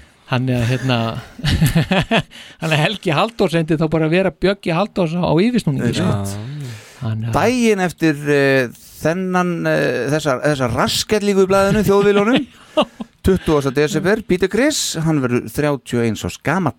Já, Mitt. skemmtileg Mjög gaman að því. Já, já, gott, hann gerði það. Og Náði svo- aftur fjórum árum á, á Gene. Já, ég mitt Hann var fagnat því gríðarlega. Já. Og daginn eftir að það gerir þá hérna byrti dagblæðið viðtal við starfsfólk bókaverslana Mhm. og hvað er verið umræðefnið annað en söluhastu bækunar fyrir jólin 76 mm. og þar er Haldur Lagsnes að, að bara rúla hlutunum upp með bókinu Ungur ég var og svo er Sirkus eftir Alistair MacLean Já Lásið einhvern tímann Alistair MacLean Heldur betur, ég ætla bara heilu bóka seríunar af þessu sko. þetta, þetta var bara alltaf hérna. Já. Þe- þetta voru jólabækurnar sko, Heldur betur. 76 til 90 eða hvað það var Já, sko. já, bara lengur sko Já, eða lengur Já. Og, Morgan Kane var svona einhvern veginn þarna með líka ég veit ekki hvað það er mikið í jólapökkuna samt en, en allavega þær voru já. Vinsanasta barnabókin var síðan Helgi skoðar heiminn munið eftir henni Já, Njörður P. Njarðvík Já, já. mætti ekki þetta Helgi skoðar heiminn? Nei, þetta er á, lítið góð bók ég, sko. ég man eftir því, ég vissi ekki fyrir núna að það hefði verið Njörður Njarðvík sem að Njörður P? Já Nei, nei, nei, og hann hérna Þetta er náttúrulega Ég er svona, sko. þekki til hans bara gegnum atvinnu mín í dag, ég ætla ekki út í það hér Nei, við skulum ekki gera það, Nei. er ekki á þessum vettvangi en, en, en allavega, hann er þarna Já, já. 2002 bara tveim dögum fyrir jól Akkurat. uh, Jean-Michel Jarre Þarna. gefur upp plötuna Oxygen Mhm. og þetta kom eh, þessi bara kom þessu manni algjörlega á kortið á alveg svísu Já. Ég veit ekki hvort að margir þekki hann í dag en, en þetta, hann var alveg ótrúlega vinsæll þessi, gaur. Já. Þetta var, þetta ekki allt saman instrumental dót sem hann gerði? Ég- ég bara þekki ekki. Nei, nei. Ég held það, Hann þetta er var svo svona, þekktur, sko. svona uh, tölvu dót eitthvað. Já, já, já, ok. Já, já. sem að heitlaði bara all- alla. Já, Já, já Og jólagjöfin til Íslandinga árið, Mm. árið 1976 er það að það er ný fæðingar og kvennsugutamadeld tekinni notgöfin á já, landsbytalan já, já. Þannig að það er um glæsilegt og út á, þess, á þetta byggingu horfði ég út á stofugluggan hjá ömmu Mm. í mörg ár Já, mitt. Já, já, já, rendi mér í- á snjóþóttu á lóðinni Já Berg, En Borga, nei, hvað er þetta? Ha, Bergstaðarfeldinu Bergstaðarfeldinu. Já, Já, já sko. Þetta er nú orðið breytt núna, landslað Já, þar já. En 2005 þá ná Kiss uh, Já, hitt var aðfangadag Já, hitt er aðfangadag sko, já, já. Svo, og jóladag þá fá Kiss heldur betur jóla, jólaglæning Mhm. því að Rock'n'Roll Over hoppar í 11. sæti á Billboard Mhm. Dress to Kill hoppar líka inn á Billboard 200 Hvernig stendur á því? Aftur sko Hvað verður til þess? Þannig að endur útgáfan hann á árinu Já, þetta er, þetta er aðteklisvert og hún hoppar sérst í 129. sætið eftir að hafa dottið út af listanum í byrjun september 75 Þetta er stórmerkilegt Já, þetta er, þetta er skemmtilegt rannsóknarefni sko. Já. og á listanum eru þá einnig Alive í 157. sæti og Destroyer komin í, í 87. sæti Já. þannig að þá hafði Destroyer hoppa líka upp úr svona að hafi verið að dingla hann í 130 30 eitthvað 50, já. Já, og var að detta hann inn á topp 100 Merkilegt þannig að þegar að Kiss fer inn, í, eða semst á jólum og, og yfir áramótin 76-77 mm. og raunar alveg fram í lok februar 77 Mhm. þá er Kiss með fjórar plötur inn á Billboard 200 í bandreikunum Það er ekki, ekki slemt það er bara þannig að það er má segja að árið hafi nú endað þetta annarsama og ævintýra hérna, Þetta er að bera ávöxt. Já, þetta er að bera- já, bera- algjörlega, það er nú skemmtileg jólin hjá okkar mönnum þarna að fá allar þessar fréttir. Það hlýtur að vera sko. Já, bara beint í pakkan á aðfangadag og áður en Jóladag. Að mitt, og áður en að hérna, árið alveg úti Já. þá er hérna 30. desember. Loka tónlingar þeirra á þessu ári 76 Já. Þeir uh, fara semst ekki fram á gamla skuld líkt og fyrri árin og við höfum farið yfir. Já, já, mitt heldur deginu fyrir, hann að 30. þá spilaði þeir í, í uh, Augusta Civic Center í Augusta, Maine bandaríkjónum Já, uh, náðu þeir því að uh, spila 22 tónleika af 70 í rock'n'roll overtúrnum á þessu ári og þannig fronta þrjú tónleikaferðlög á þessu mikilvæga ári í Kissuðunni 1976 sem fór yfir áðan. Og spila þarna á allavega 114 tónleikum uh, sem ég sá skráða á þessu ágæta ári allavega. Og einhverjur hefði svo líka tekið sér þarna jólafrí og, og, og hafið túrin á ný, hérna, strax á nýju ári. En ekki okkar menn þeir mútið engan tíma missa. Nei, alls ekki sko. Alls ekki og þeir seldu þarna 7200 miða uppselt sko. í mein Já, já, Já, hérna. og þetta var á þeim tíma sagt á þessum venue Já. þá var þetta sagt þriðja hraðasta Sala. Já, sem sagt sellátið sko. Já, sem hafði, það er, þeir- segja sko að það hefði verið Lawrence Welk, Welk 1972 og Bob Dylan 75 sem Mm. vel gert. En, en svo bara til þess að setja Kirsuber Jónat allt saman þá held þessi túr áfram svo bara strax á nýjársdag 1977 og við ætlum ekki út í það núna því að það er uh, byrjunapunkturinn á næsta þætti. Já, Byrja brattu næstu það nýjárstónleikum strax. Jæja, bilda mínir, 76 er frá í tveimur þáttum. Já. Woo! Þetta tók smá á Já, þetta gerði það. Já, þetta, þetta, er, þetta er stórkost þetta ár sko. Já, þetta er það, en ég er svona farin að hugsa bara hvort við þurfum ekki bara að ákveða nú þegar, bara strax að 77 verði tveir þætti líka. Jú, jú. Þetta Ég er bara, held að það sé- 77 er ekkert minna ár sko. Nei. Nei, nei, nei, nei. En, já, já. Já. En hvað segir um þetta ár svona heilt yfir? Stórkostlegt Þetta er bara magnað. Mhm. Þetta er bara alveg magnað og náttúrulega byrjar náttúrulega bara mjög vel náttúrulega menn þeir eru ekki, það er ekki langt komið inn í ári þegar að- þeir eru að fá hérna platinuna. Mhm. Þarna í Kópó. Gu- Gullið. Var, var það gull? Nei, Já. var, Það var gullplata sko. Nei, plat- million Já, ég minna að ég hef sagt gull en þið leiðrættum í, Já, já, já. í platinum Já, það voru platinu sko hann í Kópó. Já, já, uh, í januar Mhm. og, og svo náttúrulega bara er þetta ég menna þetta er náttúrulega alveg rosaleg kersla, menn þarna eru búin að gefa út uh, þrjár plötur. Mm. Þess að hafa náttúrulega sapplötu eða, Mhm. og náttúrulega búin að ég, ég meina, það hefur bara áhugavert að telja dagana sem að þeir eru að spila. Bara, hvað, hvað eru margir tónleikadagar? 114 stendur hérna sem ég var að segja rétt á hann sem að ég sá skráða þessu ári. Mm. Já, þú varst að segja það? Já, Já, já, já. Fyrir utan tíman í stúdíu og Já, ekki hvað, hvað. einmitt. Og, og Evrópuför og eitthvað. Ótrúlegt sko. Já, að 114? Já, og, og, og þeir finna sér samt tíma til þess að fara hana í, í, í Paul Lind Halloween special, og, Mm. og bara neymit skilur þetta er við, við erum að tala um brúðköpi og eis og eh, það er alltaf eitthvað, eitthvað um að vera sko. Já. Já, þetta er alveg gríðarlega Það er mikið. ekki fyrir það að einhver hafi þurft að fara að móka aðeins í sig Já, til að halda sér vakandi. Já, já, nei, nei, þetta, en ég meina þetta er náttúrulega bara, já, þetta, þetta er eins og, eins og Paul segir í, í hérna Extreme, the roller coaster is about to begin, Já, það er svolítið svoleiðis. og þá er hann að vísa til þess þegar þeir er, að- er að keira inn í ári 76 Já. Mm. og var hann ekki að vísa til þess þegar hann hefði kíkt en það segir þess að setningu tegnslu þegar hann hefði kíkja er það ekki bara gegn tjaldið á já. hann í janúar Mhm. þegar kemur þessi þessi fleiga setning sko. Já. Mhm. þannig að, þannig að og, og þetta bara er geggjað Já, já. Já. geggjað dæmi sko Já, og þetta er sem sagt, þetta er svolítið mikið veist, maður svona fara yfir þetta og maður svona í- fyrir þessa þætti maður er að skoða 75, 76 og næstum að skoða 77, þetta er náttúrulega eru bara alveg því líka árin sko. Já. þessi Mm. þrjú Þetta er toppurinn, sko. Já. og svo náttúrulega vitum alveg hvernig sko, the rollercoaster, hann fer aðeins að hæja á sér hérna, sko, sko þegar 80s er í gangi, við vitum það Mm. þannig að þarna eru þeir að taka úr þessu allt sem við geta Alveg. Já, já, þetta er náttúrulega hæ, hægir á þessu hann bara strax uh, 79 náttúrulega, eða Já. 78 náttúrulega byrjar að svona. Já, já, einmitt. Svona fyrir aðeins að minka guðvann sko. Svo bara allt innum bara komið einhver annar að tromma þetta hann svo Við förum við það síðar. Já, já, já, já það, það er, en þetta er, þetta er mjög aðdeglisverð hvernig, hvernig þetta er að byggjast upp og, og svona hvernig, hvernig þetta síðan tala Þarna- við. Já, já, þannig eru þau bara að leggja draugin af því að verða alheimsveldi. Já, Já, já, algjörlega.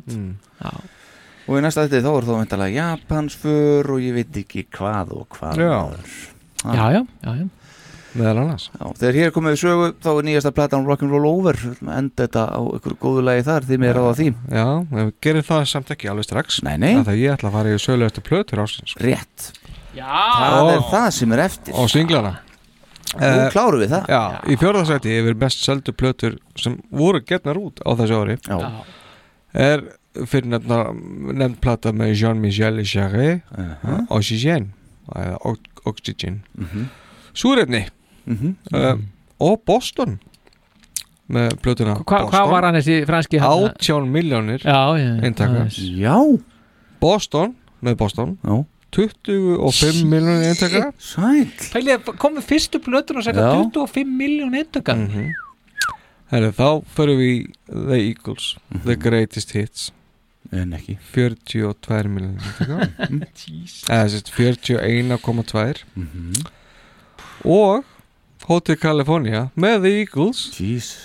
Ja, 42 miljónir þannig Það er að ekki bara nema- 85 miljónir bara á þessum tveim blöðum sem gáð út bara á þessu ári. Magna meira helvitis röglið sko. Hún átti eitthvað fyrir einhverju flottu saltið maður. Já, Já, er og þá ætla ég að fara yfir topp En þú singlana. glemtir að minnast á Alive. Já, það er kannski Það var nú ástæða meiri fyrir því er það að hún kom út 70 Já, já, já, einmitt. Það ég get að spara mér æsingin á það Munaði bara einu ári. Já, Herru, topp singlarnir í bandaríkinu þetta árið Mhm. er Walter Murphy and the Big Apple Band eins og allir vita Já, með A já. Fifth of Beethoven eitthvað svona spoof útgáfa af symfóníu hans. Já. nýjöndarsæti Gary Wright Love is Alive. My love is alive. Já. Paul Simon 50 Ways to Leave Your Lover. Já. Það er, er alveg 50 veist Já, já, það eru með þessar fleiri heldur sko. það, er, það er bara bare minimum sko. The Miracles með Love Machine Part 1 Manhattans Kiss and Say Goodbye er í sjötta seti Hanna? Svo kemur Wild Cherry Play That Funky Music. Mm. Why Boy? Hanna já. Og svo er The Four Seasons með December 1963 Oh what a night. Já. Man kannski þekkja það aðeins betur. Já, já. Uh, Johnny Taylor er í þriðasetti með Disco Lady.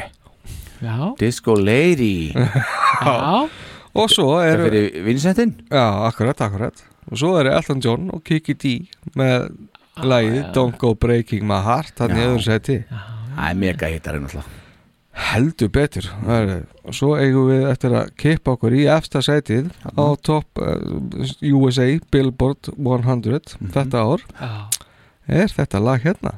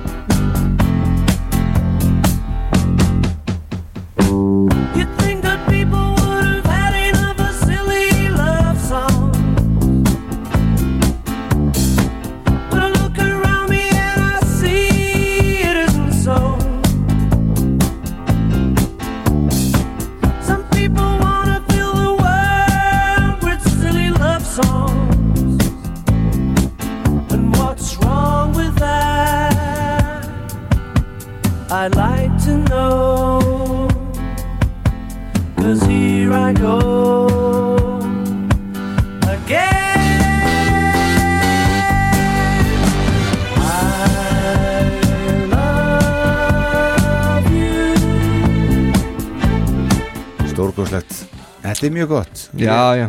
Fór hérna aðeins aftur í Down the memory lane Hérna bara í hugunum því að vera að heyra þetta sko Nú það?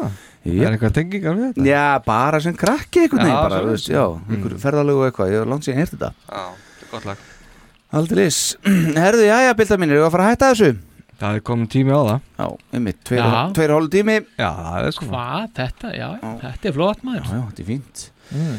Fimm Herðu- tíma þáttur, bara, bara í heldina 1976 Já. Ég ætla að vona að uh, hlustendur hafi haft gaman af. Já. Ég vona það, nú gaman kannski að að þegar núna sé ég sko, að, sko þeir sem að hlusta vanlega okkur eða sá fjöldi mm. svona helmingur þeirra er búin að hlusta nú þegar þegar þessi þáttur er tekinu upp á fyrir hlutan Já, já. uh, Engin púls samt á, Betur má að duga skap. Já, það einmitt sko. Já, það er bara flatline. Já, Þannig hérna ég kalla eftir uh, Hjartastuð bara skam skýrari skilabóðum Skam einmitt. Frá Starpower, Já, sta skam hana skam, hérna, hlustandi Herðu, eins og ég var að segja áðan þegar fórsetin stoppaði mig, greipi glóðvolgan. Mm. uh, Rock'n'Roll Over, eh, nýjasta platan hér hér er komið sög, við ætlum að enda á lægi á henni. Hva, Hvað er þitt uh, val Star Power? Hérna, Mm. það er lag nummer 5 Ok. á hlið, á hlið hérna 1 Já, það er fymta, fymta lag síðasta lag og hliðið eitt Já, Mhm. það er klassíst sko. en, en þú, Alli? Uh, ég myndi nú bara fara í uh, sko, það eru nokkur sem komið til greina sko. Já. ég, það er samt uh, Af því hún er svo góð já, öll saman, sko. ég, ég myndi segja lag 1 á hlið B Já Já, Ég myndi segja lag 10 Þetta er síðasta lag á, plötunni Já, ok, ég mitt Hvernig er við úr þessu? Ég veit það ekki sko. Ég er ekki fórsetta valdi Star Power velur Baby Driver ég vel Love 'em and Leave 'em Mm. og, og fósettin velur Making Love. Já, Erum við þá kannski að fara bara í Mr. Speed eða? já þess vegna. Herðu, nei, nei, endur bara Making Love, Takk fyrir þennan þástrákar 1976 já, takk fyrir mig. Já, og bara svo geggjað. næst ef við hittumst þá förum við í 1977 fyrri hluta. Og tve, það, eru, það eru sko tveir þriðjur hlutar þessa podcast eru fættir núna sko Já, í tímalínunni. Þetta er allt að koma sko. Það er alltaf að gera Li- Litla barnið er ekki ennþá hugmyndinu sinni. Nei, Nei, nei, alveg langt í það. Herðu, þá vitið þið hvað þið þurfa að gera til þess að ég verði til. Mm Já, já. Ef við kannski bara hætta núna. Making Love Let's go